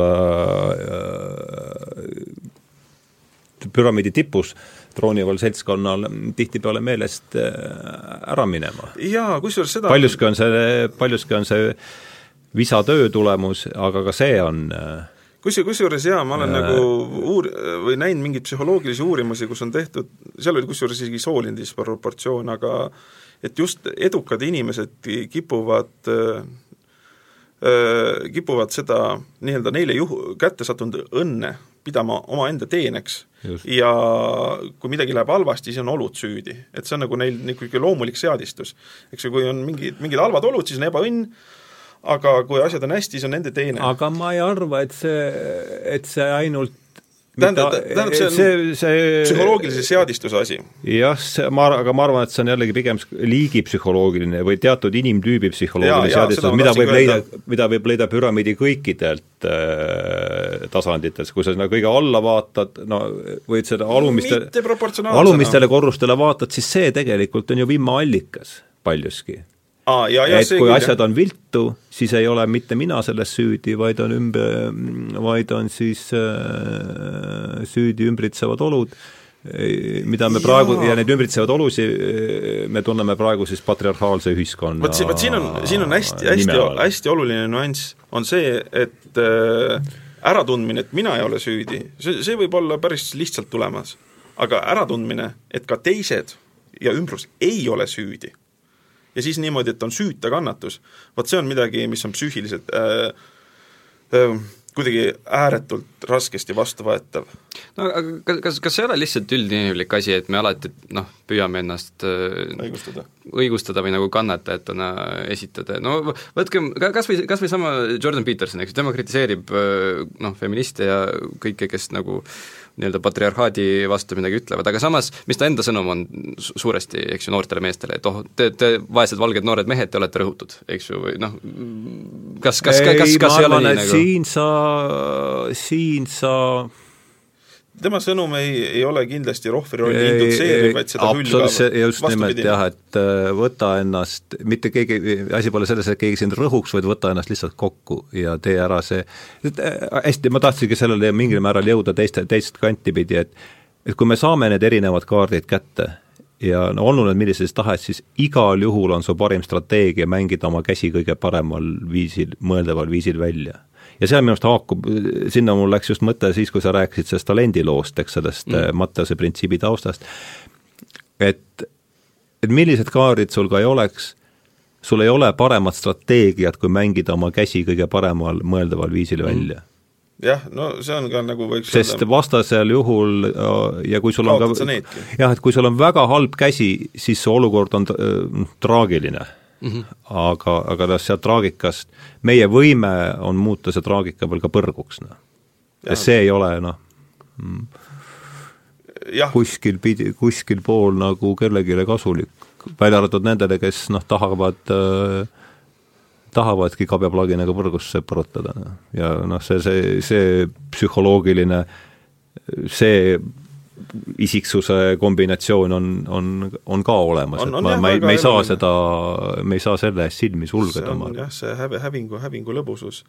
aga õiglusega ma tahaksin veel noh, kui on tõde ja õigus juba jälle plaanis oli, siis eks ju, et see õiguse mõiste, ta kindlasti ei ole üheselt positiivne, mulle nagu meeldib rõhutada, et eks ju seal nii Tammsaarel kui Vanas Testamendis õigust on ühtlasi ka kurjus ja, ja kuri, eks ju, õiglane ehk kuri et aa, mulle tuleb meelde Spengler, Spengler ütles, et noh, milles seisnes Markioni, Markioni sügavus oligi tema ütles, et et Vana Testamendi õi-, Jumal oli õiglane, järelikult kuri, eks ju.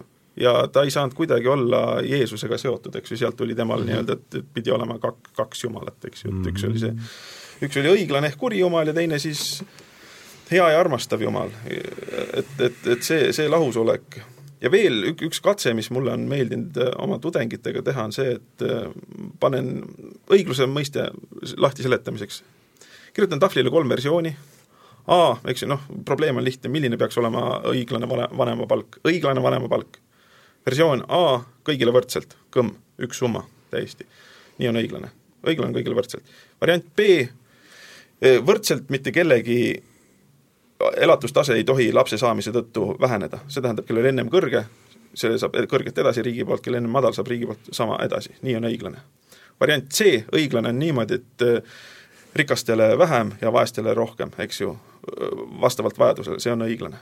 ja lihtsalt siis ütlen, et nüüd ärge vaadake, mis teie naaber teeb, vaid igaüks kirjutab omale tähe, mida ta peab kõige õiglasemaks mm. -hmm. No ja seda, seda ma teen lihtsalt sellepärast, et näidata, et nende intuitiivsed arusaamad õiglusest rahklevad ilusti ja radikaalselt, sest need kolm varianti on praktikas üksteist välistavad. korraga rakendada neid ei saa ja kokkuleppele nad ei jõua no ja, ja siin ma arvan, see tuleb, eks me jällegi selle vestluse käigus pöördume nagu mingite äh, põhiteemade juurde tagasi teises sõnastuses, et, et ma olen ka täiesti nõus sellega, et ja ma, ma, ma ei mäleta, kus ma seda kuulsin, see oli vist Jungi mõte, et et just see, sa, sa ei saa minna ainult õiglusega ühe, isegi enda kallale mitte, sest noh, kui sa hakkad ennast väga õiglaselt hindama ja ja ütleme, iseloom ei ole, siis ma räägin omaenda kogemusest, et ja iseloom ei ole kõige päi-, päikeselisem, siis sa võid selle õiglase hindamisega sõita ikkagi nagu väga, ikka väga puruks ennast, et et see kehtib nii enda, endasse suhtumisel kui ka teistesse suhtumisel, et ühes käes jah, Jungil on vist see, et on Jumalal kaks kätt, et ja võib-olla ei ole see Jung, aga no idee on nendest, et ühes käes on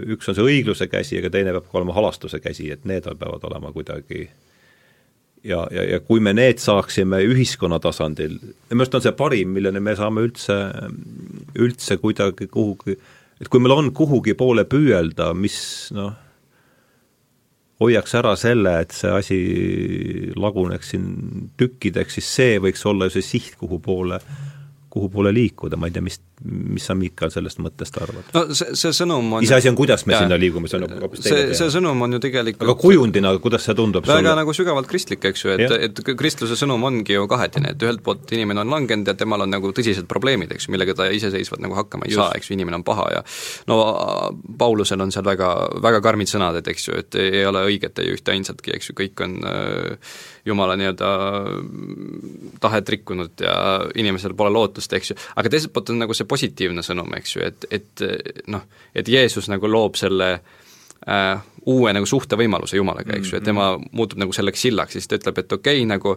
varem sa ei suutnud seda seadust täita, eks ju, aga nüüd on ju uus Jeesuse seadus, eks ju, ja tema nagu aitab sind ka selles kaasa et äh, sul on ikkagi võimalik äh, kuskile välja jõuda ja see ongi nagu loomulik, loomulik protsess, sa alustad sellest, et sa teadvustad, jah, minul on probleem, eks ju, ja sa jõuad välja sinna, et äh, noh, sa, sa, sa pidevalt arened ning liigud mingisuguse ideaali poole, mis on ikkagi kättesaamatu, eks ole, noh, keegi ei saa olla nagu keegi ei saa enda kohta öelda, et mina olen nagu ideaalne inimene nüüd, mina olen nagu hea Aa, inimene, eks, aga, aga siin, siin on minu arust üks, üks oluline küsimus, mida ma saan nüüd nii-öelda ka, ka retooriliselt ja mitte ainult retooriliselt küsida, et mm -hmm. tõepoolest, meie ühiskond on alati läinud funktsioonijaotuste teisenemise peale ja nüüd on küsimus sellest, kas, üs-, üsna võtmeline küsimus, et kas kas riik saab võtta meeleparanduse funktsiooni enda kanda? mis, mis mõttes, et too, too, too näide näiteks, mida, mida sa silmas pead ehm, ma ei saa ka praegu aru, et nojah, võib-olla ma jäin liiga krüptiliseks, et noh näiteks... aga no meil on siin õnneks spordi, spordiuudised ei ole tulemas kahe ajal, et saad rahulikult rääkida. selles, selles mõttes, et, et, et noh, kogu aeg teisenevad need asjad, et eh, noh, eraelu, avaliku elu, poliitilise, isikliku vahekorrad on kogu aeg niimoodi vaikselt loksuvad ja muutuvad ja selle ümber tihti see kemplus käibki, mis asi peaks olema riigi korraldada, mis asi mitte mm, -hmm. eks noh, näiteks kas omastehooldus peaks olema eraasi, perekonnaasi või riigi asi sekkuda ja nii edasi, kas laste kasvatamine peaks olema riigi korraldada, milline osa laste kasvatamisest, kas see ainult lugema õpetamine ja matemaatika või ka usundiõpetus ja geograafia ja nii edasi, eks ju, noh, mida me õpetame koolis või anname kehalist kasvatust ka või mitte. ja, ja no millele ma kaudselt viitasin, oli, oli siis äh, ma arvan, need Roger Scrutoni sõnad äh, nii-öelda Pariisi manifestis, eks ju, et kas, kas ja mil määral okei okay,, seal oli, et üldse ei tohiks olla religioosseid pürgimusi riigi institutsioonidesse sisse kirjutatud, eks, see. Mhm. et noh, kas me peaksime Jeesuse hoidma riigist eemal no mu, mulle riigist nüüd nii-öelda siis mm -hmm. juriidilises, tehnilises mõttes, eks? no juriidilises mõttes äh, ma arvan, et mingis mõttes küll, sest et äh, Kolakowski, eks ju, kirjutas, et noh, ei ole vaja põhiseadusesse kirjutada nüüd sisse, et mm kristlikke väärtusi. et, et, et jah, et me, me hoiame nagu kristlikke väärtusi, miks? mitte sellepärast, et kristlikud väärtused on, on halvad, vaid sellepärast, et siis jääb nagu riigi defineerida, et mis need kristlikud väärtused on, eks ju, ja parajasti see partei, kes on valimised võitnud, eks ju, tema on ka jumala esindaja siin maa peal, eks, et siin noh, te-, tegelikult mina pooldan seda, kui oleks nagu selge eristus poliitika ja nagu usu vahel, et kui, kui mul on mingi poliitilised vaated, eks ma siin me oleme sada protsenti nõus sinuga. et kui, kui mul on mingid poliitilised vaated, eks ju, siis no ma ei väida, et need, et see on nüüd jumala nägemus, eks ju, või et, et, et Jeesus oleks minu parteis, eks ju, noh, ma, ma võib-olla nagu püüan kuidagi ära aimata, et mida tema tahaks või nii, aga ma ei saa kunagi täie kindlusega öelda, et okei okay,, see on nüüd õige tänapäevases kontekstis, eks ju. piiblit kirjutati kaks tuhat aastat tagasi, eks, kõik need pro-, noh, seal polegi nagu pooli probleeme, eks ju, mis meil tänapäeval on, noh, nar-, narkomaania kas või, või mingi fentanüülisurmad, eks. et, et noh, evangeelium ei ütle sulle ette, kuidas fentanüülisurmadega võidelda või, või kas tuleks võidelda või, või nagu mis, mis tasemel, eks. nii, aga siin me olime kõik, eks ju, ühel nõul selles ta annab sulle parimal juhul mingi mütoloogilise raamat, raamistiku, kuhu sa saad panna või noh, kas, no kas see mütoloogia, ikkagi jah, mingi sellise kristalliseerunud mm -hmm. inimkogemusest tuletatud raamistikku, kuhu sa saad kanda need tänapäevased probleemid, et sul noh, tekiks üldse mingi orientiir. ma, ma, ma, ma, ma siinkohal nõustuks, et võib-olla nagu sellel noh, mütoloogilisel raam-, raamistikul, eks ju, või usul üldiselt on teatud nagu välistav roll, okei okay,, sa ei saa öelda, mis on nagu päris õige, sa tead, sa tead nagu, mis on kindlasti vale, eks ju, et mis on kindlasti nagu out.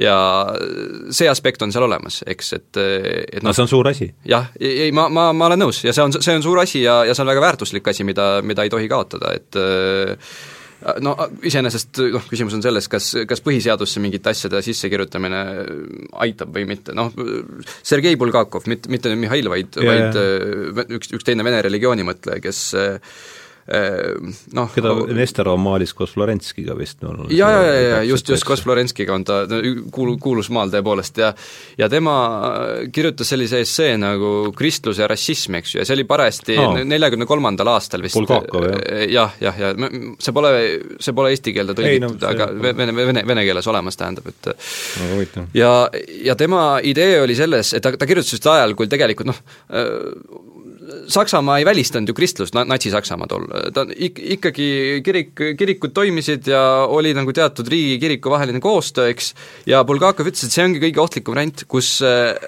jah, et riik ütleb ühelt poolt, et jah, me oleme nagu kristluse sõbrad, aga teiselt poolt äh, käsib näiteks altari peale mingisuguse svastika riputada, eks ju. ja, ja siin äh, ta, ta ütlebki, et, et see on väga ohtlik, kuna inimesed ei pane tähele, kuidas nad satuvad äh, iidolite kummardamisse tegelikult eks ju, kus see jumala ideaal asendub mingisuguse noh, niisuguse puuslikuga, nagu ma ei tea, rahvus või ajalooline paratamatus, mis iganes, eks. ja, ja tema arust oli see isegi ohtlikum kui nii-öelda Nõukogude ja, ja, ja Sergei Bulgakov oli inimene, kes noh, ikkagi kannatas Nõukogude režiimi all, tema arust oli see isegi ohtlikum kui Nõukogude niisugune sõjakas ateism, eks ju, tõepoolest seal tapeti preestrid ja nii edasi, aga nagu ei tekkinud seda nagu pettekujutlust, eks. oli selge, et okei okay,, riik on nagu noh, see ideaal, kommunistlik ja, ideaal on Kristuse nagu vaenlane, eks, aga äh, rassism üritab lihtsalt jumala koha hõivata ja noh, mhm. inimesi segadusse ajada. mul tuleb see lihtsalt, äh, tõlkisin kunagi ammu selle äh, Hayeki idee orjusesse ja seal on mm -hmm. ka lause Hayek ammu-ammu oli see küll, ta ütleb, et Hitler üt-, Hitler peab ennast ka kristluse, kristluse ma ei tea, kuidas seda, no ütleme, kristluse ürituse jätkajaks ja mingil määral on tal isegi õigus mm. -hmm noh, ma ei tea jah. see, see jah, see lause teine pool on, on huvitav, et mida ta ma jah, ma, ma ei mäleta jah, aga see, ma mäletan, et see ei no see, ma arvan, ma arvan, aga see võib olla vot huvitav koht äh, ja see võib tegelikult tuua meid selle, mm, tuletan meelde, et meie vestlus oli ka algus kunagi, mis on meie formaat järgib Venet. jah, meie formaat järgib Venet, et et, et nüüd, kus me noh, me ei hakka veel lõpetama, aga eks ühel hetkel tuleb ka lõpp, et et seesama mm, pahustumise tees, et kui ma nüüd siin põlve otsas mõtlen, mida Hayek võis selle all mõtelda, et, et see ja, ja, ja mida John Gray on rõhutanud, eks, et kristlusesse on ehitatud sisse see, et igal juhul toimub minek punktist A punkti B ja et kuivõrd noh, mingi esatoloogiline aspekt. esatoloogiline aspekt ja, ja, ja paljuski need sektid ja, ja kui Venel on õigus ja ma olen väga seda meelt, et tal on õigus, et siis noh, ka praegu, et mulle tundub, et järjest enam me peaks mõt-, vaatama sellele tänapäevasele õues toimuvale jagulisele kui kristluse omavaheliste sektide asjaajamisele. jaa, ja kusjuures ja, ja just tead seesama, et me lõpetada, et meile on, meile on äh, mikroskeemina pähe tinnutatud see kristluse esatoloogiline äh, arusaamelust, et me läheme punktist A punkti B ja need sektid erinevad äh, sellest, et mis on see, mis on see punkti B siis, äh, mis iseloomustab punkti B.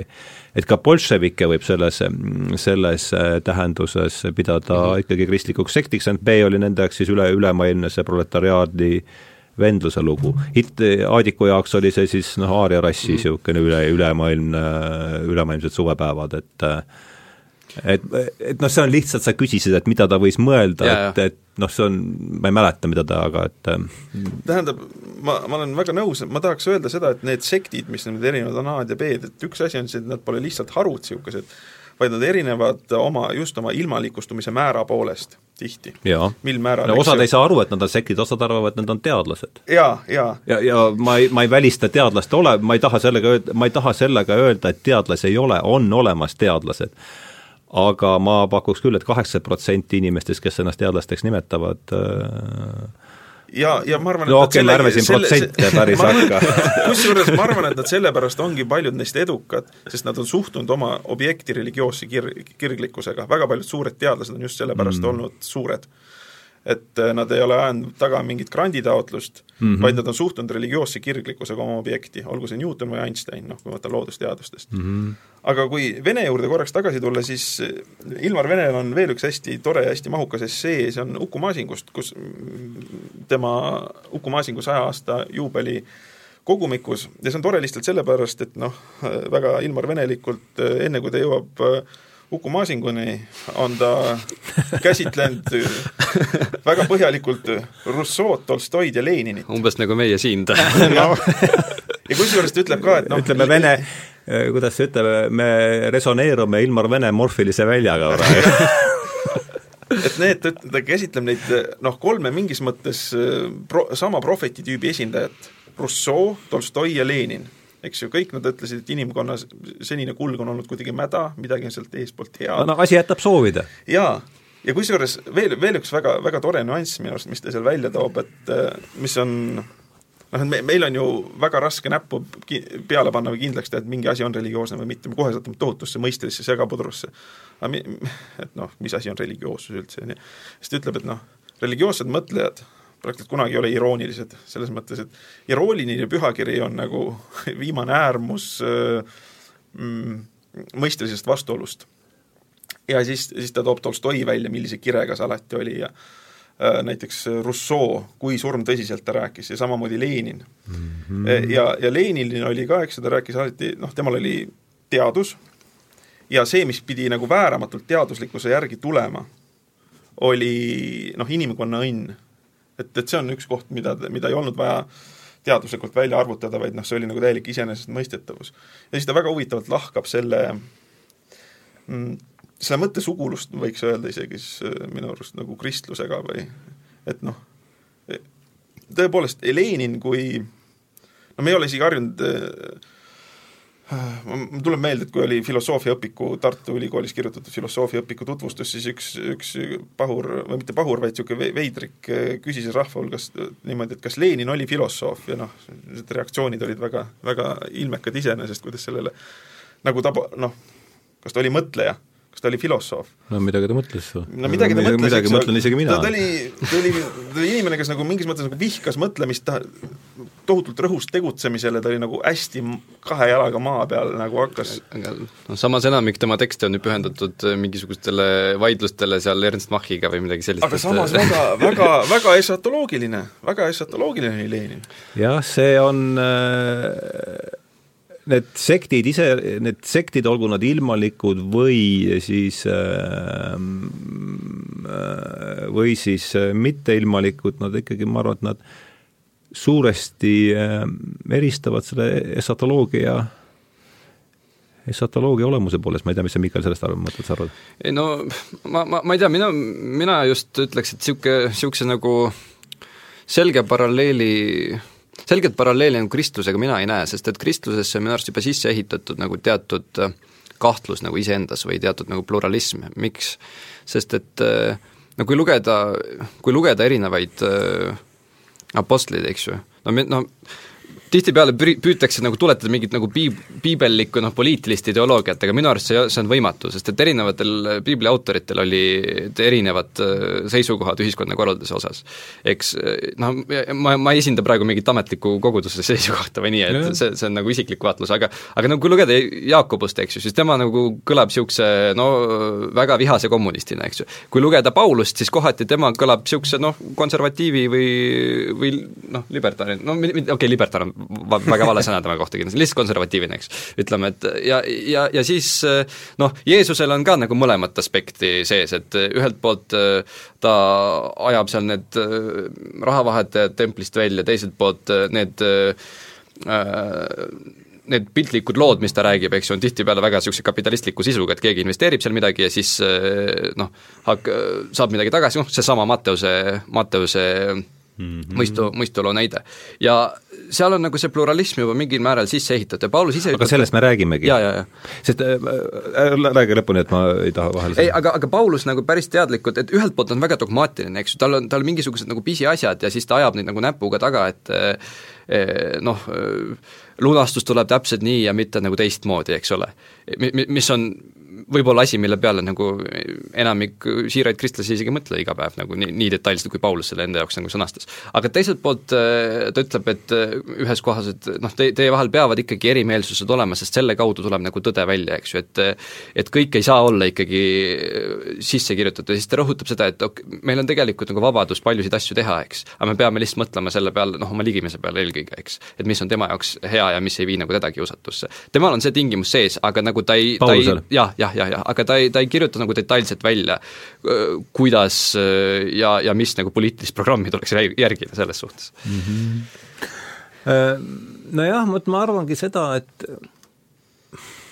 ma üritan nüüd siin jälle põlve otsas asja sõnastada, et et kui me vaatame seda noh, meie kultuuri, siis õhtumeest mm -hmm. kultuuri, et ma arvan, et see on nagu paratamatu, et seal on kõik need, et ma, mina vaatan seda nagu mingit tüvena kuhu on kirja pandud siis see, mis mingiks ajaks oli pikk kristalliseerunud vaatlus.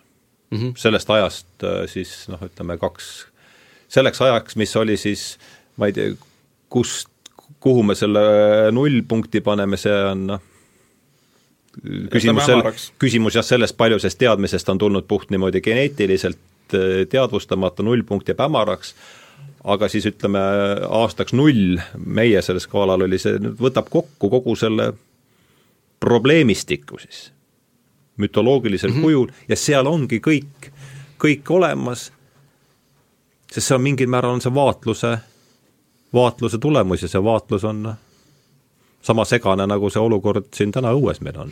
ja selle metafooriga ma isegi nõustuks, et ilmselt nii ta on. jah, aga ma tuletan meelde, meil vahepeal oli täielik konsensus selles, eks ju, et riik peaks äh, olema äh, usuasjadest lahus ja ma selle juurde tahan tagasi tulla. jaa, et see on minu arust nagu üks, üks tore punkt juba sellepärast, et see on nagu oluline etapp ilmalikustumise teel. ja nagu esiteks me oleme nagu kõik selle kuidagi omaks võtnud siin, aga see, et usk ja riik aga sellest ei, ei, aga sellest ei saa vaata inimesed aru, sest kui hakatakse mõtlema uskudest, siis kõik inimesed hakkavad mõtlema kirikust ja, ja nendest ütleme siis ristialustest äh, majadest ja nendel ei, nendel ei ole enam ammu meie elus äh, noh, nende roll on marginaalne, miks see selline on, on omaette küsimus, ma arvan, Kolakovskil on siin mm -hmm. palju ütelda, eks. aga see reaalne kirik, see, mis ütleb meile, kuidas me peame elama, see ei ole enam ammu äh, see ei ole enam ammu ristialustes majades, vaid see on klaastornides, kus on siis äh, need institutsioonid ja need ministeeriumid, mis kirjutavad meile ette, kuidas me peame elama. ja, ja noh, suur hulk nendest ministeeriumitest ja veel kord ma siin Miikaelile tutvustasin oma ministeeriumi definitsiooni juba eelnevalt ja ma olen seda siin saates varemgi teinud, minu tõlgendus on ministeerium igasugune klaastorn, kus on üle tavaliselt piiri allapool üle viie korruse on juba ministeerium mm. -hmm. ja perso-, pane personaliosakond ka veel sinna otsa, on noh, ongi ministeerium ja sõltumata sellest. aa, ja siis kelle osa, kelle asukad kõnelevad kantseliiti.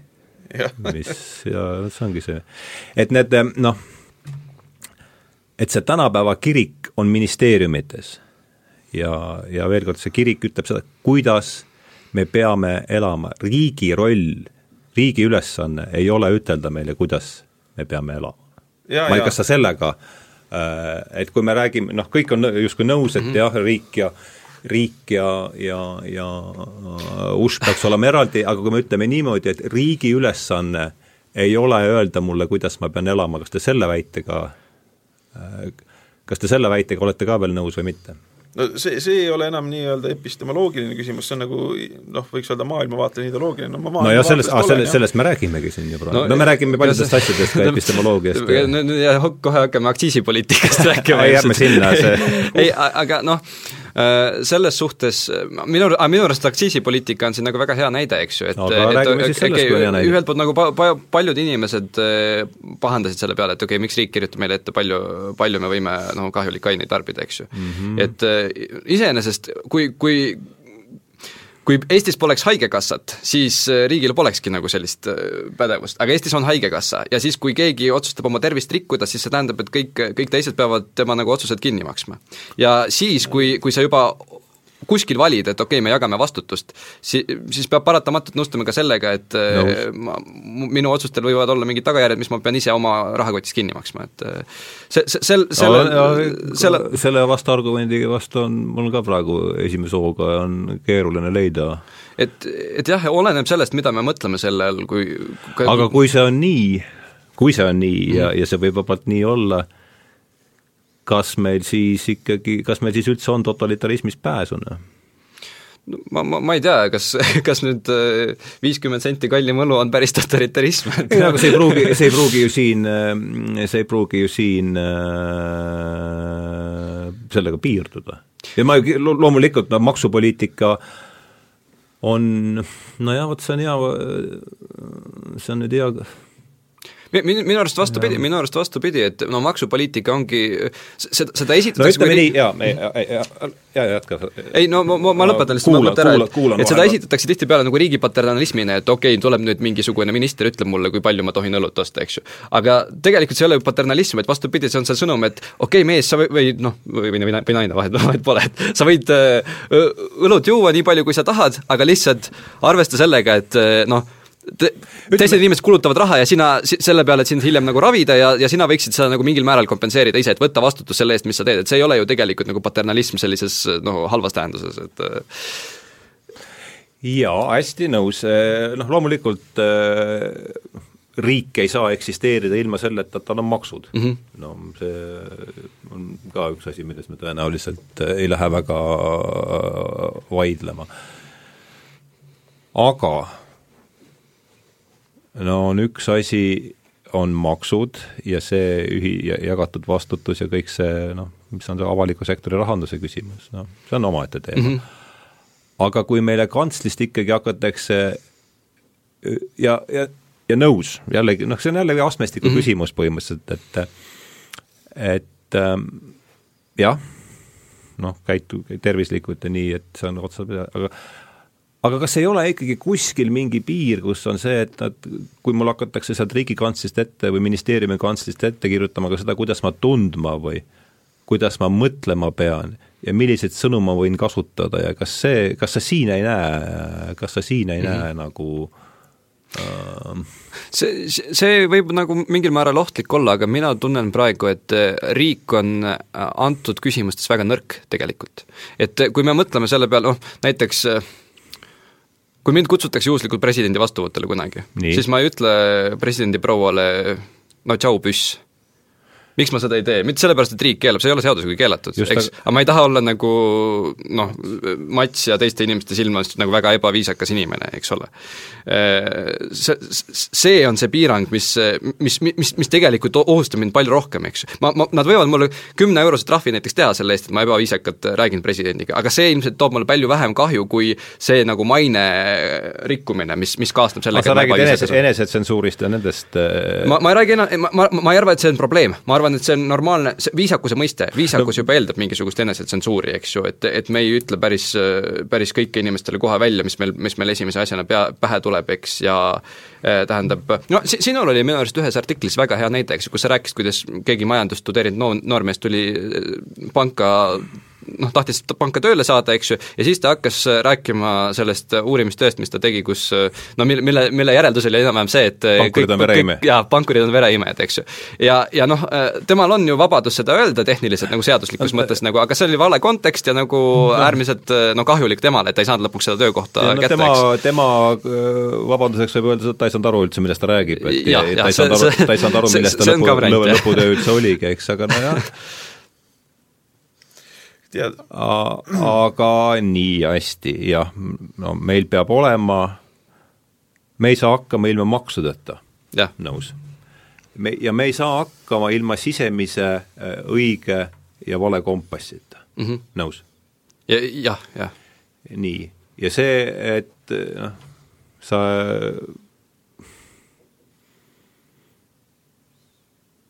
noh, ei sisene, ei sisene presidendi vastuvõtule ka kukerpalliga, et see, see noh, seda ütleb sulle see sisemine moraalne kompass või kõl-, no kas just moraalne või kompass, ühiskondlik norm ütleb mulle, et ma ei teeks seda, eks ju, isegi kui ma tahaks, eks ju, siis no ma, mul, mul noh, va-, vahel on ju, on ju nii, et hull tahaks midagi öelda või, või mingit vigurit teha, eks ju, aga ja, ja, ja sinu arust nagu ei oleks mingit probleemi, aga sa saad aru, et teiste inimeste silmis noh, sa, sa rikud mingisugust ühiskondlikke kokkuleppeid, sa rikud teatud viisakusnorme, eks ole, ja selle tõttu noh, ei, ei lange nii-öelda sellele tasemele.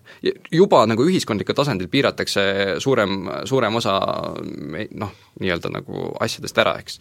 ja, ja riigil on siin nagu väga, väga vähe teha veel, et riik saab võib-olla trahvida sind millegi eest jaa, aga no ma, ma, ma, ma ei tea, ma, ma ei ole vähemalt tuttav nagu näidetega kaasaegsest ühiskonnast, kus äh, no ma, ma mõtlen praegu totalitaarseid riike kuskil noh, Nõukogude Liitu, okei okay,, seal Stalinit kritiseerisid, järgmine päev ei olnud siin olemas, eks. aga kuskil näiteks, ma ei tea, mõnes liberaalses demokraatias, et, et riigil oleks reaalne nagu võim kellegi noh, mõtlemist nii väga mõjutada, see võim oleks tugevam no, kui viisakus võtame siin eh, sellesama õnnetu, kes ta meil oli siin, mingi kooliõpetaja, kes avaldas kusagil, ma ei tea, Järvamaa Teatajas loo selle kohta arvamusartikli või Võrumaa Aa, uudistes selle Tiives äkki oli ta nimi või? et naised, võib-olla küll, jah. et naised võiksid olla oma partneri valikus vähem valivad. jah. noh, mis sa sellega mõtte kohta, aga aga reaktsioon oli see, et äh, kodanik sai sule sappa, et mis, kuidas, mis, mis selle kohta nüüd? kas ta, kas ta oli mees või naine, kes selle artikli kirjutas? no ikka ikka mees ikka mees ja.? no jah, selles suhtes ma, ma, ma ei tea, ma, ma ei ole pädev otsustama, noh, aga, aga, aga siin on asi selles, et ma, ma, ma ei tea, kas, kas nüüd vallandamine on äh, proportsionaalne karistus äh, nii-öelda sellise ebaviisakuse eest, aga, aga kui inimene eba, teeb midagi, mis aga kas mis... seal on, kas sa näed seal eba, ebaviisakust no.? ma isegi, ma ei ole kindel, et see on vot siin on see asi mis sa, Mihkel, arvad, et ma arvan ma..., et siin on see asi, et noh, loomulikult äh, siin mingid väljaütlemised teevad siin, haiget, eks ju. ma näen siin vastuolu ikkagi, vastuolu minekut sellise ametliku ideoloogia ja dogmaga, et see, seda ta nüüd kindlasti, kas ta on ebaviisakus, okei okay,, okei okay,, tegelikult no praegu ma, ma, ma ei ole... võta, ma, ma ei, ma ei saa seda juhtumit nii hästi kommenteerida, sest ma, no, ma lihtsalt võtsin ja, äh, udu no, ma, ma kardan, et ma, ma võin praegu minna sellele teele, et ja Pasternaka nii tšitalno äh, assuždaju, eks ju, et ma Pasternaki pole lugenud, aga mõistan hukka, eks ju. et äh, ma, ma jah, ma, ma, ma pigem nagu tutvuks enne inimese tekstiga, et reaalselt nagu hinna, hindama hakata, kas kas see oli nüüd õigustatud või mitte, eks ju.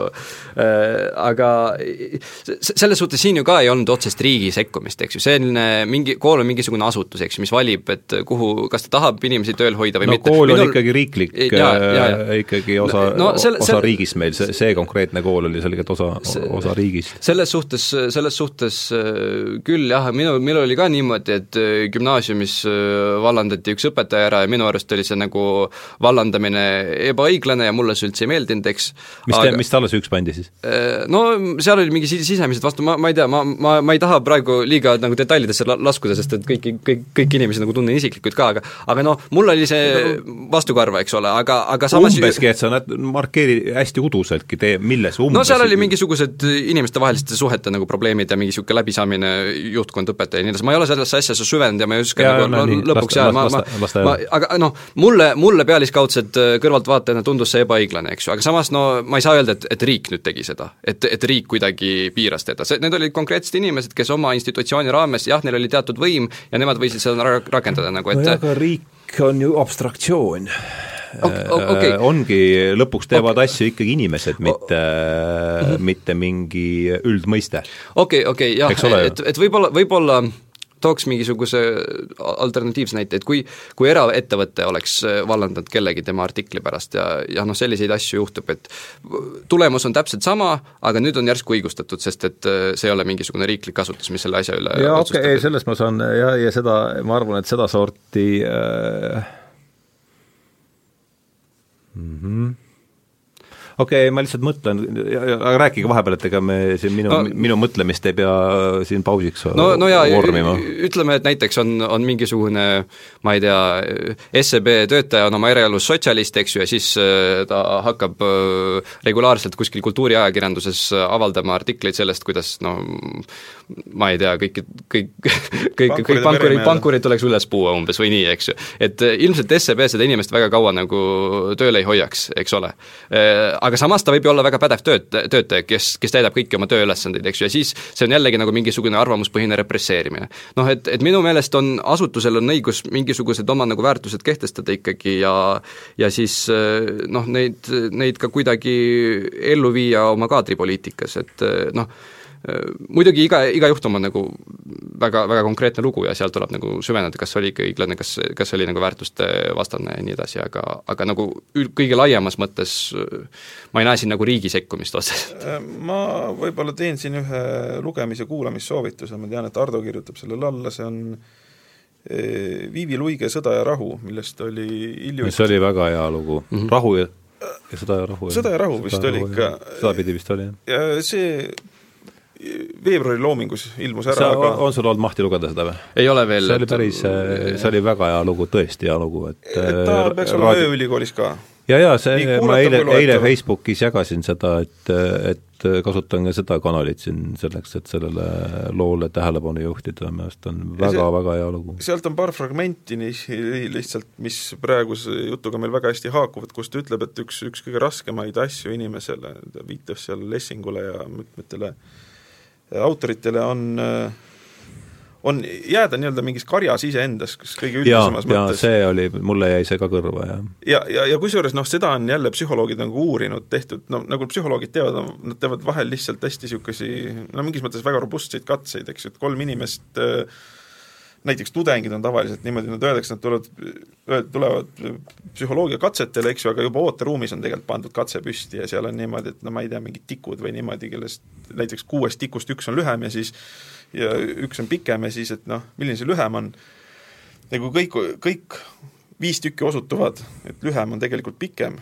siis üks, üks ku-, kuues tudeng, kes ei ole, kes ei tea, et need viis tükki on kokku leppinud omavahel, see ütleb ka enamasti, et hoopis see on lühem, et noh et üldiselt äh, inimene on väga konformistlik, ta on karjaloom. No.. ja noh, evolutsiooniliselt on olnud talle kasulik niimoodi, et kui sa kõnnid tänaval ja järsku hakkavad kõik ühes suunas jooksma, siis tõenäoliselt on mõttekas sul ka samas suunas joosta, ilma kontrollimata või ilma omaenda veendumustest äh, hoolimata, et noh, alati on tähtsam olnud olla kambaga ühel nõul, kui teada tõde ja jääda tõele truuks nii-öelda, sest muidu süüa, su oma, su kamp lööb su maha. no aktsiaturud töötavad meil samal põhimõttel näiteks. umbes jah, eks ju, et äh, aga noh, see, mida seal Vivi Luika rõhutas, siis eks ju noh, võiks öelda, see on klassikaline jää tõele truuks mingis mõttes, eks, ja ole, ole vapper või ole julge või nojah, see tõde viib meid jälle selle, nüüd hakkab, nüüd me peame hakkama küll mõtlema selle jutuajamise koomale tõmbamise peale, ma arvan, niisuguse veerand tunni jooksul võiks see, võiks see toimuda, et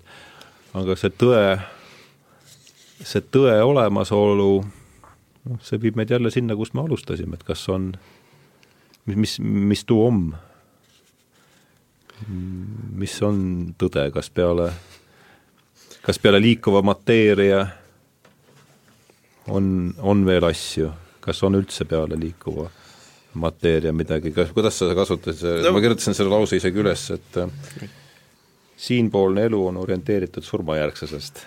Ka, ka kas on, eks, see, see oli, see oli see nii-öelda indi-, indi-, indikaator mingis mõttes, et Äh, noh, mingi, me võime öelda mingis mõttes, et oluline on see, mida inimesed teevad, eks ju, et, et see mõt-, mõtlemisele me ei pääse ligi, aga ja, ja mingi te-, see tuleb see tagasi, kui sa selle Viivi Luige mm, loengu juba tõid, tõstsid jutuks, siis lõpuks keegi küsib, üks kuulajatest, et et et öelge siis meile, et mis see tõde siis on. Ja, ja, ja Viivi Luik siis ütleb, et vabalt ma siin midagi nüüd äh, ütlen uut ja noh, mul on selle A-sõnaga suhtes on ka reservatsioone, sest seda kasutatakse nii palju ja seda on nii ära lörtsitud, nii et ma katsun seda A-sõna nüüd täpselt, mis äh, no ma ütlen jah, et, et tõde on, ta ütleb, et tõde on armastus. aa, okei okay.. ja noh, okei okay,, ütleme, ma siis äh, kasutan seda siin pika hambaga, seda, sest võib-olla siia ta tõesti, noh, siia ta tõesti sobib, aga et noh, et see et see on üks sõnadest, mis on siin ikkagi ka väga ära niimoodi ülepruukimise, ülepruukimise käigus ikkagi väga tühjaks läinud, tühjaks läinud, jah, ta on oma väe kaotanud selles suhtes lihtsalt. jah, ma võib-olla tsiteeriks, no see, see võiks ka muidugi saate päris lõppu jääda, aga see, see, kuidas see Ilmar Vene no ma nüüd, nüüd nii-öelda selle õr-, õrrit-, õrritina ütlen, loen selle tema viimase essee viimase lause siis, et hoidku taevas inimeste eest, kes arenguloo suunamist peavad endale jõukohaseks. Noh. hukutav upsakus on üks äh, jah, eks ja sellest ta räägib seal päris palju, sellest äh, jällegi nüüd me räägime asjast, millest, mida Mikal ei ole, ei ole lugenud, et me ärme, ärme siia praegu takerda sellesse väga, aga aga jah, ma ütlen veel kord, soovitaks seda kõigil kuulata ja, ja see on, see oli tõesti minu arust üks viimase aja parimaid asju, mis mul on kuulda. aa, Viivi Luigast räägime? jaa, Viivi Luigast, jah. jah, noh, ma lugesin teda. mis, mis puudutab seda tõde, siis ma, ma mõtlesin ka, et, et noh, ühelt poolt äh, piibli temaatika juurde tagasi tulles, eks ju, Jeesus ütleb, et äh, mina olen äh, tee ja tõde ja elu, eks ju, aga no samas me teame Apostlite tegude raamatus, seal Jumal hakkab mingi hetk Paul, Paul, noh, Paulus on parajasti, ta ei ole veel kristlane, vaid ta on sõjakas kristlaste tagakiusaja, eks ju, ja siis Jumal mm. kõnetab teda teel Damaskusesse ja, ja, ja Saulust veel, õige, veel enne seda, kui ta oli Paulus tegelikult ka. ja, ja siis noh, tema küsib, et äh, issand, kes sa oled, eks ole, et, et noh, äh, jääb ikkagi tõesti, tõesti veel väljaselgitamisele, et et, et kes, kes issand on ja mida, mida see tähendab, eks. mul tuleb see Caravaggio, Caravaggio maal tuleb kohe silme ette selle jutu peale, see on päris aa, aga üks asi, mida, mida ma mällu sööviv pilt. Äh, mida ma võib-olla Miikalilt küsiks mm., et Jeesuse viimased sõnased kri-, kri-, ristil. mu isa, miks sa oled sa mu mm -hmm. jätnud? et äh, ma, minu arust see on nagu, see on nagu väga painav, eks ju, et kas, sest see jätab lahti võimaluse, et Jeesus ristil kaotas usu veel napilt enne surma. et kas, kas sa oled, elad selle Getsemani aiaga oma hinges? minu arust no. nagu see on päris õudne, õudne nagu konks sinna see, see on õudne ja, ja, ja tegelikult noh, kui võtta Hebrai kirja, eks ju, siis seal, seal öeldakse, et et, et no jällegi parafraseerides, mul tsitaadid kahjuks ei jää väga hästi meelde, aga aga et Jeesus ei ole lihtsalt selline issand, kes kuskilt sealt kõrgelt valitseb, eks ju, vaid ta on reaalselt nagu kõikvõimalikud kannatused läbi elanud ja kõikvõimalikud inimlikud no ja probleemid, eks ju, ja see, ja see, see on minu arust no ma arvan, et ilma selle selle Hebra kirja paari, paari salmita ma ise ei oleks kristlane. See tuletab mulle meelde selle kõige esimese küsimusega, mis sa esitasid mulle, kui ma käisin selles sinu sellel mm, -hmm. et, et sa hakkasid pihta selle Hauerwassi, Hauerwassi klipiga, mis on meil seal äh, olemas seltsi mm, videokanalil, mida ma soovitaks vaadata ka kuulajatel, see, et et kui Stanley Hauerwas, kes on USA üks noh, no üks tänapäeva kuulsamaid, Ameerika kindlasti üks kuulsamaid teolooge, tema käest küsitakse äh, et mida tähendab olla inimene. et mis on inimese defineeriv, defineeriv tunnus ja just see, et äh, noh, ütleme, ta on huumorimeelega kodanik ja, ja et yeah. et jumal, jumal ei sündinud pingviinina, vaid, vaid inimesena ja see, kuidas ta seda ja noh, sellest ma sain seda vaadates millestki aru, millest seal jutt käib, et mida kristlased, mida kristlased mõtlevad ma ei tea, kuidas sa, kuidas sa, noh, sul ka mingi põhjus, miks sa küsisid seda tõenäoliselt tookord? ei, ei, ma ju see no, jäi sulle ka silma? see, see jäi mulle tõepoolest äh, silma ja no ma, sa, sa ütlesid, vaata, et see on lihtsalt üks huvitav, huvitav mõte, kuidas, kuidas mõelda, ma, ma arvan, et äh, noh, see, see, see haakus sellega, mis sina rääkisid, et see kõik on -hmm. inim-, et ja. ta ongi Jumal, et see kristluse keskne mõte on ju see, et Jumalast, Jumal sai inimeseks ühes kohas ja ühes ki-, aegruumi kindlas punktis. et, et see on see defineeriv äh, kogu selle asja kvintessents. just, ja kui piiblis on veel ka selline raamat nagu Hiobi raamat, eks ole mm, -hmm. mis räägib sellest, kuidas noh, jumal ja saatan sisuliselt mängivad mingisugust väga kurja mängu ja siis lihtsalt kiusavad ühte vaga inimest, kes, kes on muidu kogu elu jooksul hea olnud, eks ju, ja ei ole nagu väga midagi valesti teinud, aga lihtsalt niisama nagu pulli pärast, eks. ja no kusjuures ta teeb ju niisugust saata, saatanlikku vande või ja, sõlmib ju vandenõu no, kihlveo saatanaga, eks just, just, ja, ja nüüd äh, kui ma, kui ma ise lugesin äh, äh, mõned, mõned aastad tagasi Hiobi raamatut, eks ju, siis ma, siis ma ei saanud Jumalale vastusest lõpust aru, eks ju, Jumal vastab talle enam-vähem midagi sellist, et äh, ole vait, mina olen tugev ja sellepärast mul on õigus, eks ole, et see ei ole nagu mingisugune õiglane, no see oli väga, väga primitiivne, väga primitiivne tõlgendus, ma, ma olen nõus mina lugesin seda teistmoodi, et sa ei saa minu meelest ta ütleb seda ja see õig-, aa nüüd mul väga huvitav, see vestlus on ikkagi äh, teraapiline ja, ja avastuslik nähtus. mulle meenus see, vabandust, ma nüüd sisse sõitsin mm -hmm. sulle, aga et et kui sa seda ütlesid, et kuidas sina seda kuulsid, minule meenub selle seoses see, me rääkisime õiglusest mitu korda mm. -hmm. õigluse mõiste on ju läbi käinud, see on Augustinuse lause, et inimese ettekujutus õiglusest on nagu kaste murul või midagi sellist mm. -hmm. kaste kõrbes.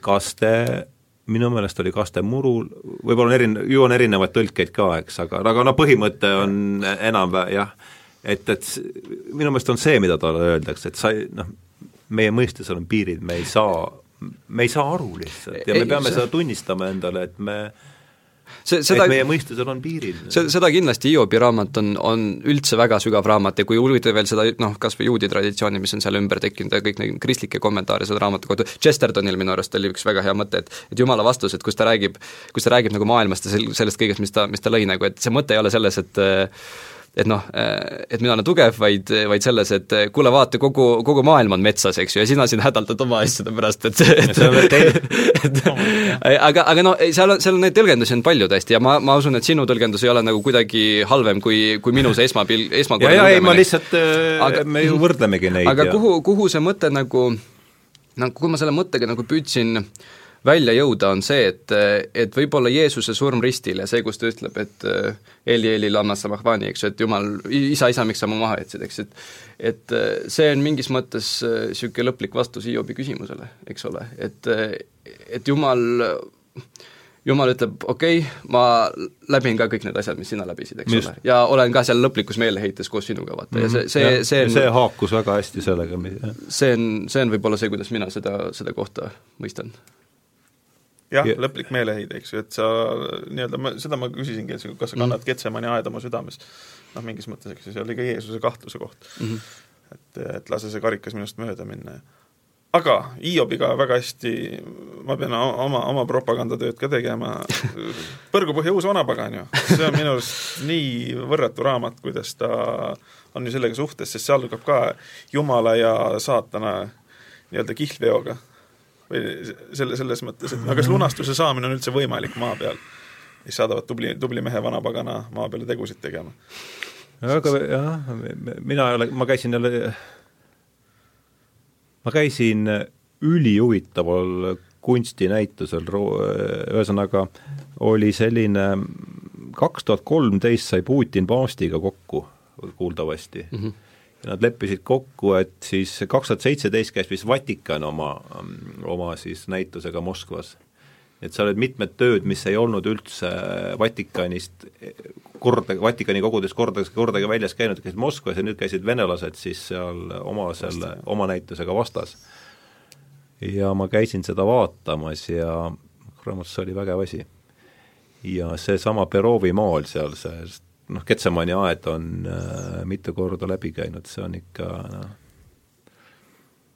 mm, see on, need on ikkagi väga, mul on, mul on ikka päris hea meel, et ma seal käisin, sest seesama Kramskoi maal äh,, Jeesus kõrbes ja see Perovi, Perovi maal Jeesus Ketsemani aias, need on väga-väga ja ma ei mäleta, kas see Florenski ja Bulgak-, Nestorov oli esindatud küll seal, aga mitte selle mm mitte selle mooni, aga nüüd ma siin hakkasin, ma ei tea, Päss hakkas praalima, et kus ta ja, kõik, kus ta kõik on käinud ja tahtis peaks, peaks YouTube'i videosse need pärast nagu üles panema. ma panen üles, ma panen üles ja, ja, ja, ja ma panen ka, ma panen ka näit-, see näitus on nüüd kinni kuueteistkümnendal veebruaril läks ta kinni, ma tahan sellest teha kindlasti saate, see seesamane Peredvižnikute periood selles vene mm, -hmm. vene loos, mul on niisugune tunne, et me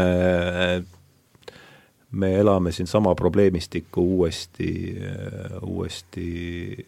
No ja, mis, ja mis võimalused meil ongi, kui seda asja kõike uuesti läbi mängida, selles ei ole nagu ja võib-olla see, vabandust, ma jäin siin kuidagi, ma jäin kuidagi natuke luupima, aga see, et just, et see noh, seesamune, kui me ütlesime, et Kristus on estatoloogiline niisugune, et, et, et noh, tundub, et see asi käibki ikka noh, alternatiivne asjade vaadata, see asi ikkagi käib lihtsalt ringi nagu üks pesumasin, kas mitte?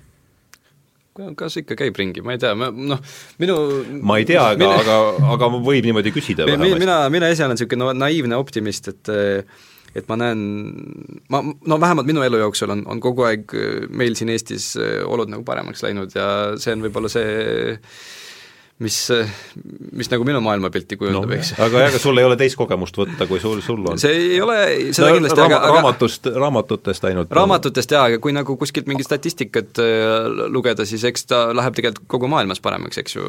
inimesel, inimesel, mitte loodusel. inimesel jah, mitte loodusel no,, jah, sellega ma olen nõus. siin on alati panna, sedasorti väidetele tuleks alati panna niisugune no, joone as of the moment of speaking, et noh jah, jah. Nagu see, et eks meie hinna, hinnangud on kõik ajas kinni, aga aga tund viiskümmend minutit on siin nüüd, tund viiskümmend minutit on siin nüüd oldud.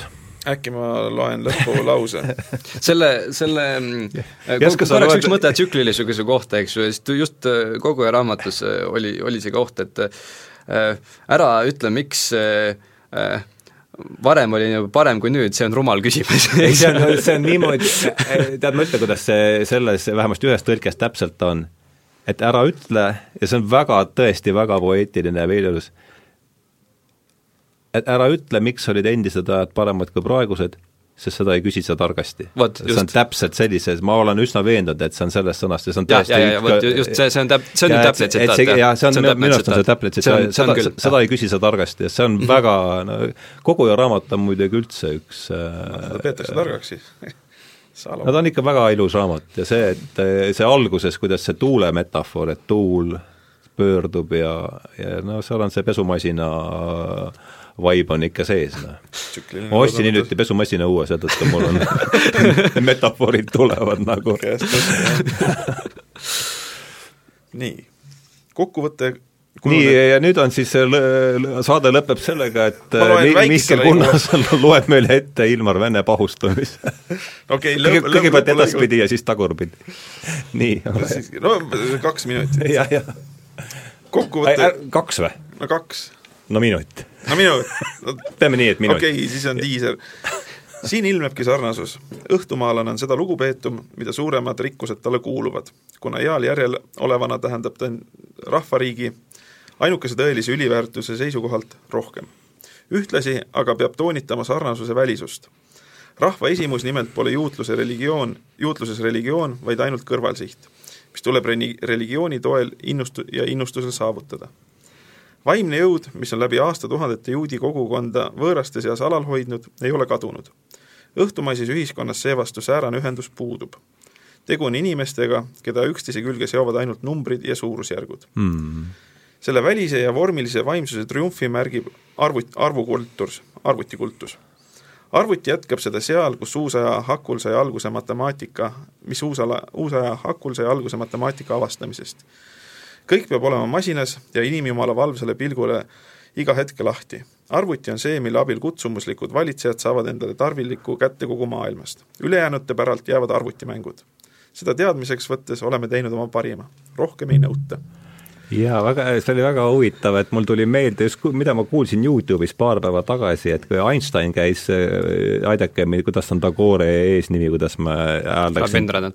no vot, nii täpselt see R punkt. jah ma ei hakka, Miikal ütles, kuidas, pärast ära harjutame seda, aga käis Tagooril külas ja Tagore oli talle lugenud, ma ei tea, kas see on apokriiva või mitte, aga lugu iseenesest on päris kõnekas, et aa oh,, Einstein luges ette Tagorile tema mingi poeemi ja siis Tagore ütleb, ma vastaksin äh, teile teie omaga, need oleksid ainult numbrid, noh. Oh, oh jaa, aga, aga see arvutijutt, mis mulle meenus, et see, see on täpselt see lugu, et informaatikud võtsid kõik meie stipendiumid ära. Kuulge, meeleolukas oli, mul oli igatahes vahva teiega lobiseda, väga hea. arendav. väga hea, et tulite, loodetavasti saite siin ise ka mingit, no vähemasti lõpp, viiteid sai. vahe, lahe oli vestelda. mul on nüüd pikk lugemisnimekiri seda et äh, mul on tõesti hea meel, et, et te tulite mm, ja, ja mul on hea meel ka, eriti hea meel on selle üle, kuhu see vestlus lõpuks äh, kuidagi ennast juhtis, sest minul oli siin väike roll aga see ja hea meel on tõetada seda, et Kristiina Kivil tõlgib meil ja on kuulata, kuuldavasti on, hakkab varsti lõpetama Jungi raamatut äh, Antwort zu Job äh,. vastus Hiobile. vastus Hiobile äh,, mis äh, ilmub siis Edmund Burke'i raamatusarjas selle aasta esimesel poolel loodetavasti ja sellel aastal sellel aastal kindlasti, nii et see on, võib-olla saame siis jälle uuesti äh, kokku siin stuudios. aitäh tulemast, äh, stuudios olid siis äh, mm, stuudios olid Mihkel Kunnus ja Mikael Reichlekauts ja me alustasime siis vestlust Ilmar Vene pahustumisest, jõudsime välja Hiobi mm, raamatuni ja veel kord tänan teid tulemast ja äh, head õhtut, mina olin saatejuht Hardo Peola. aitäh, aitäh.!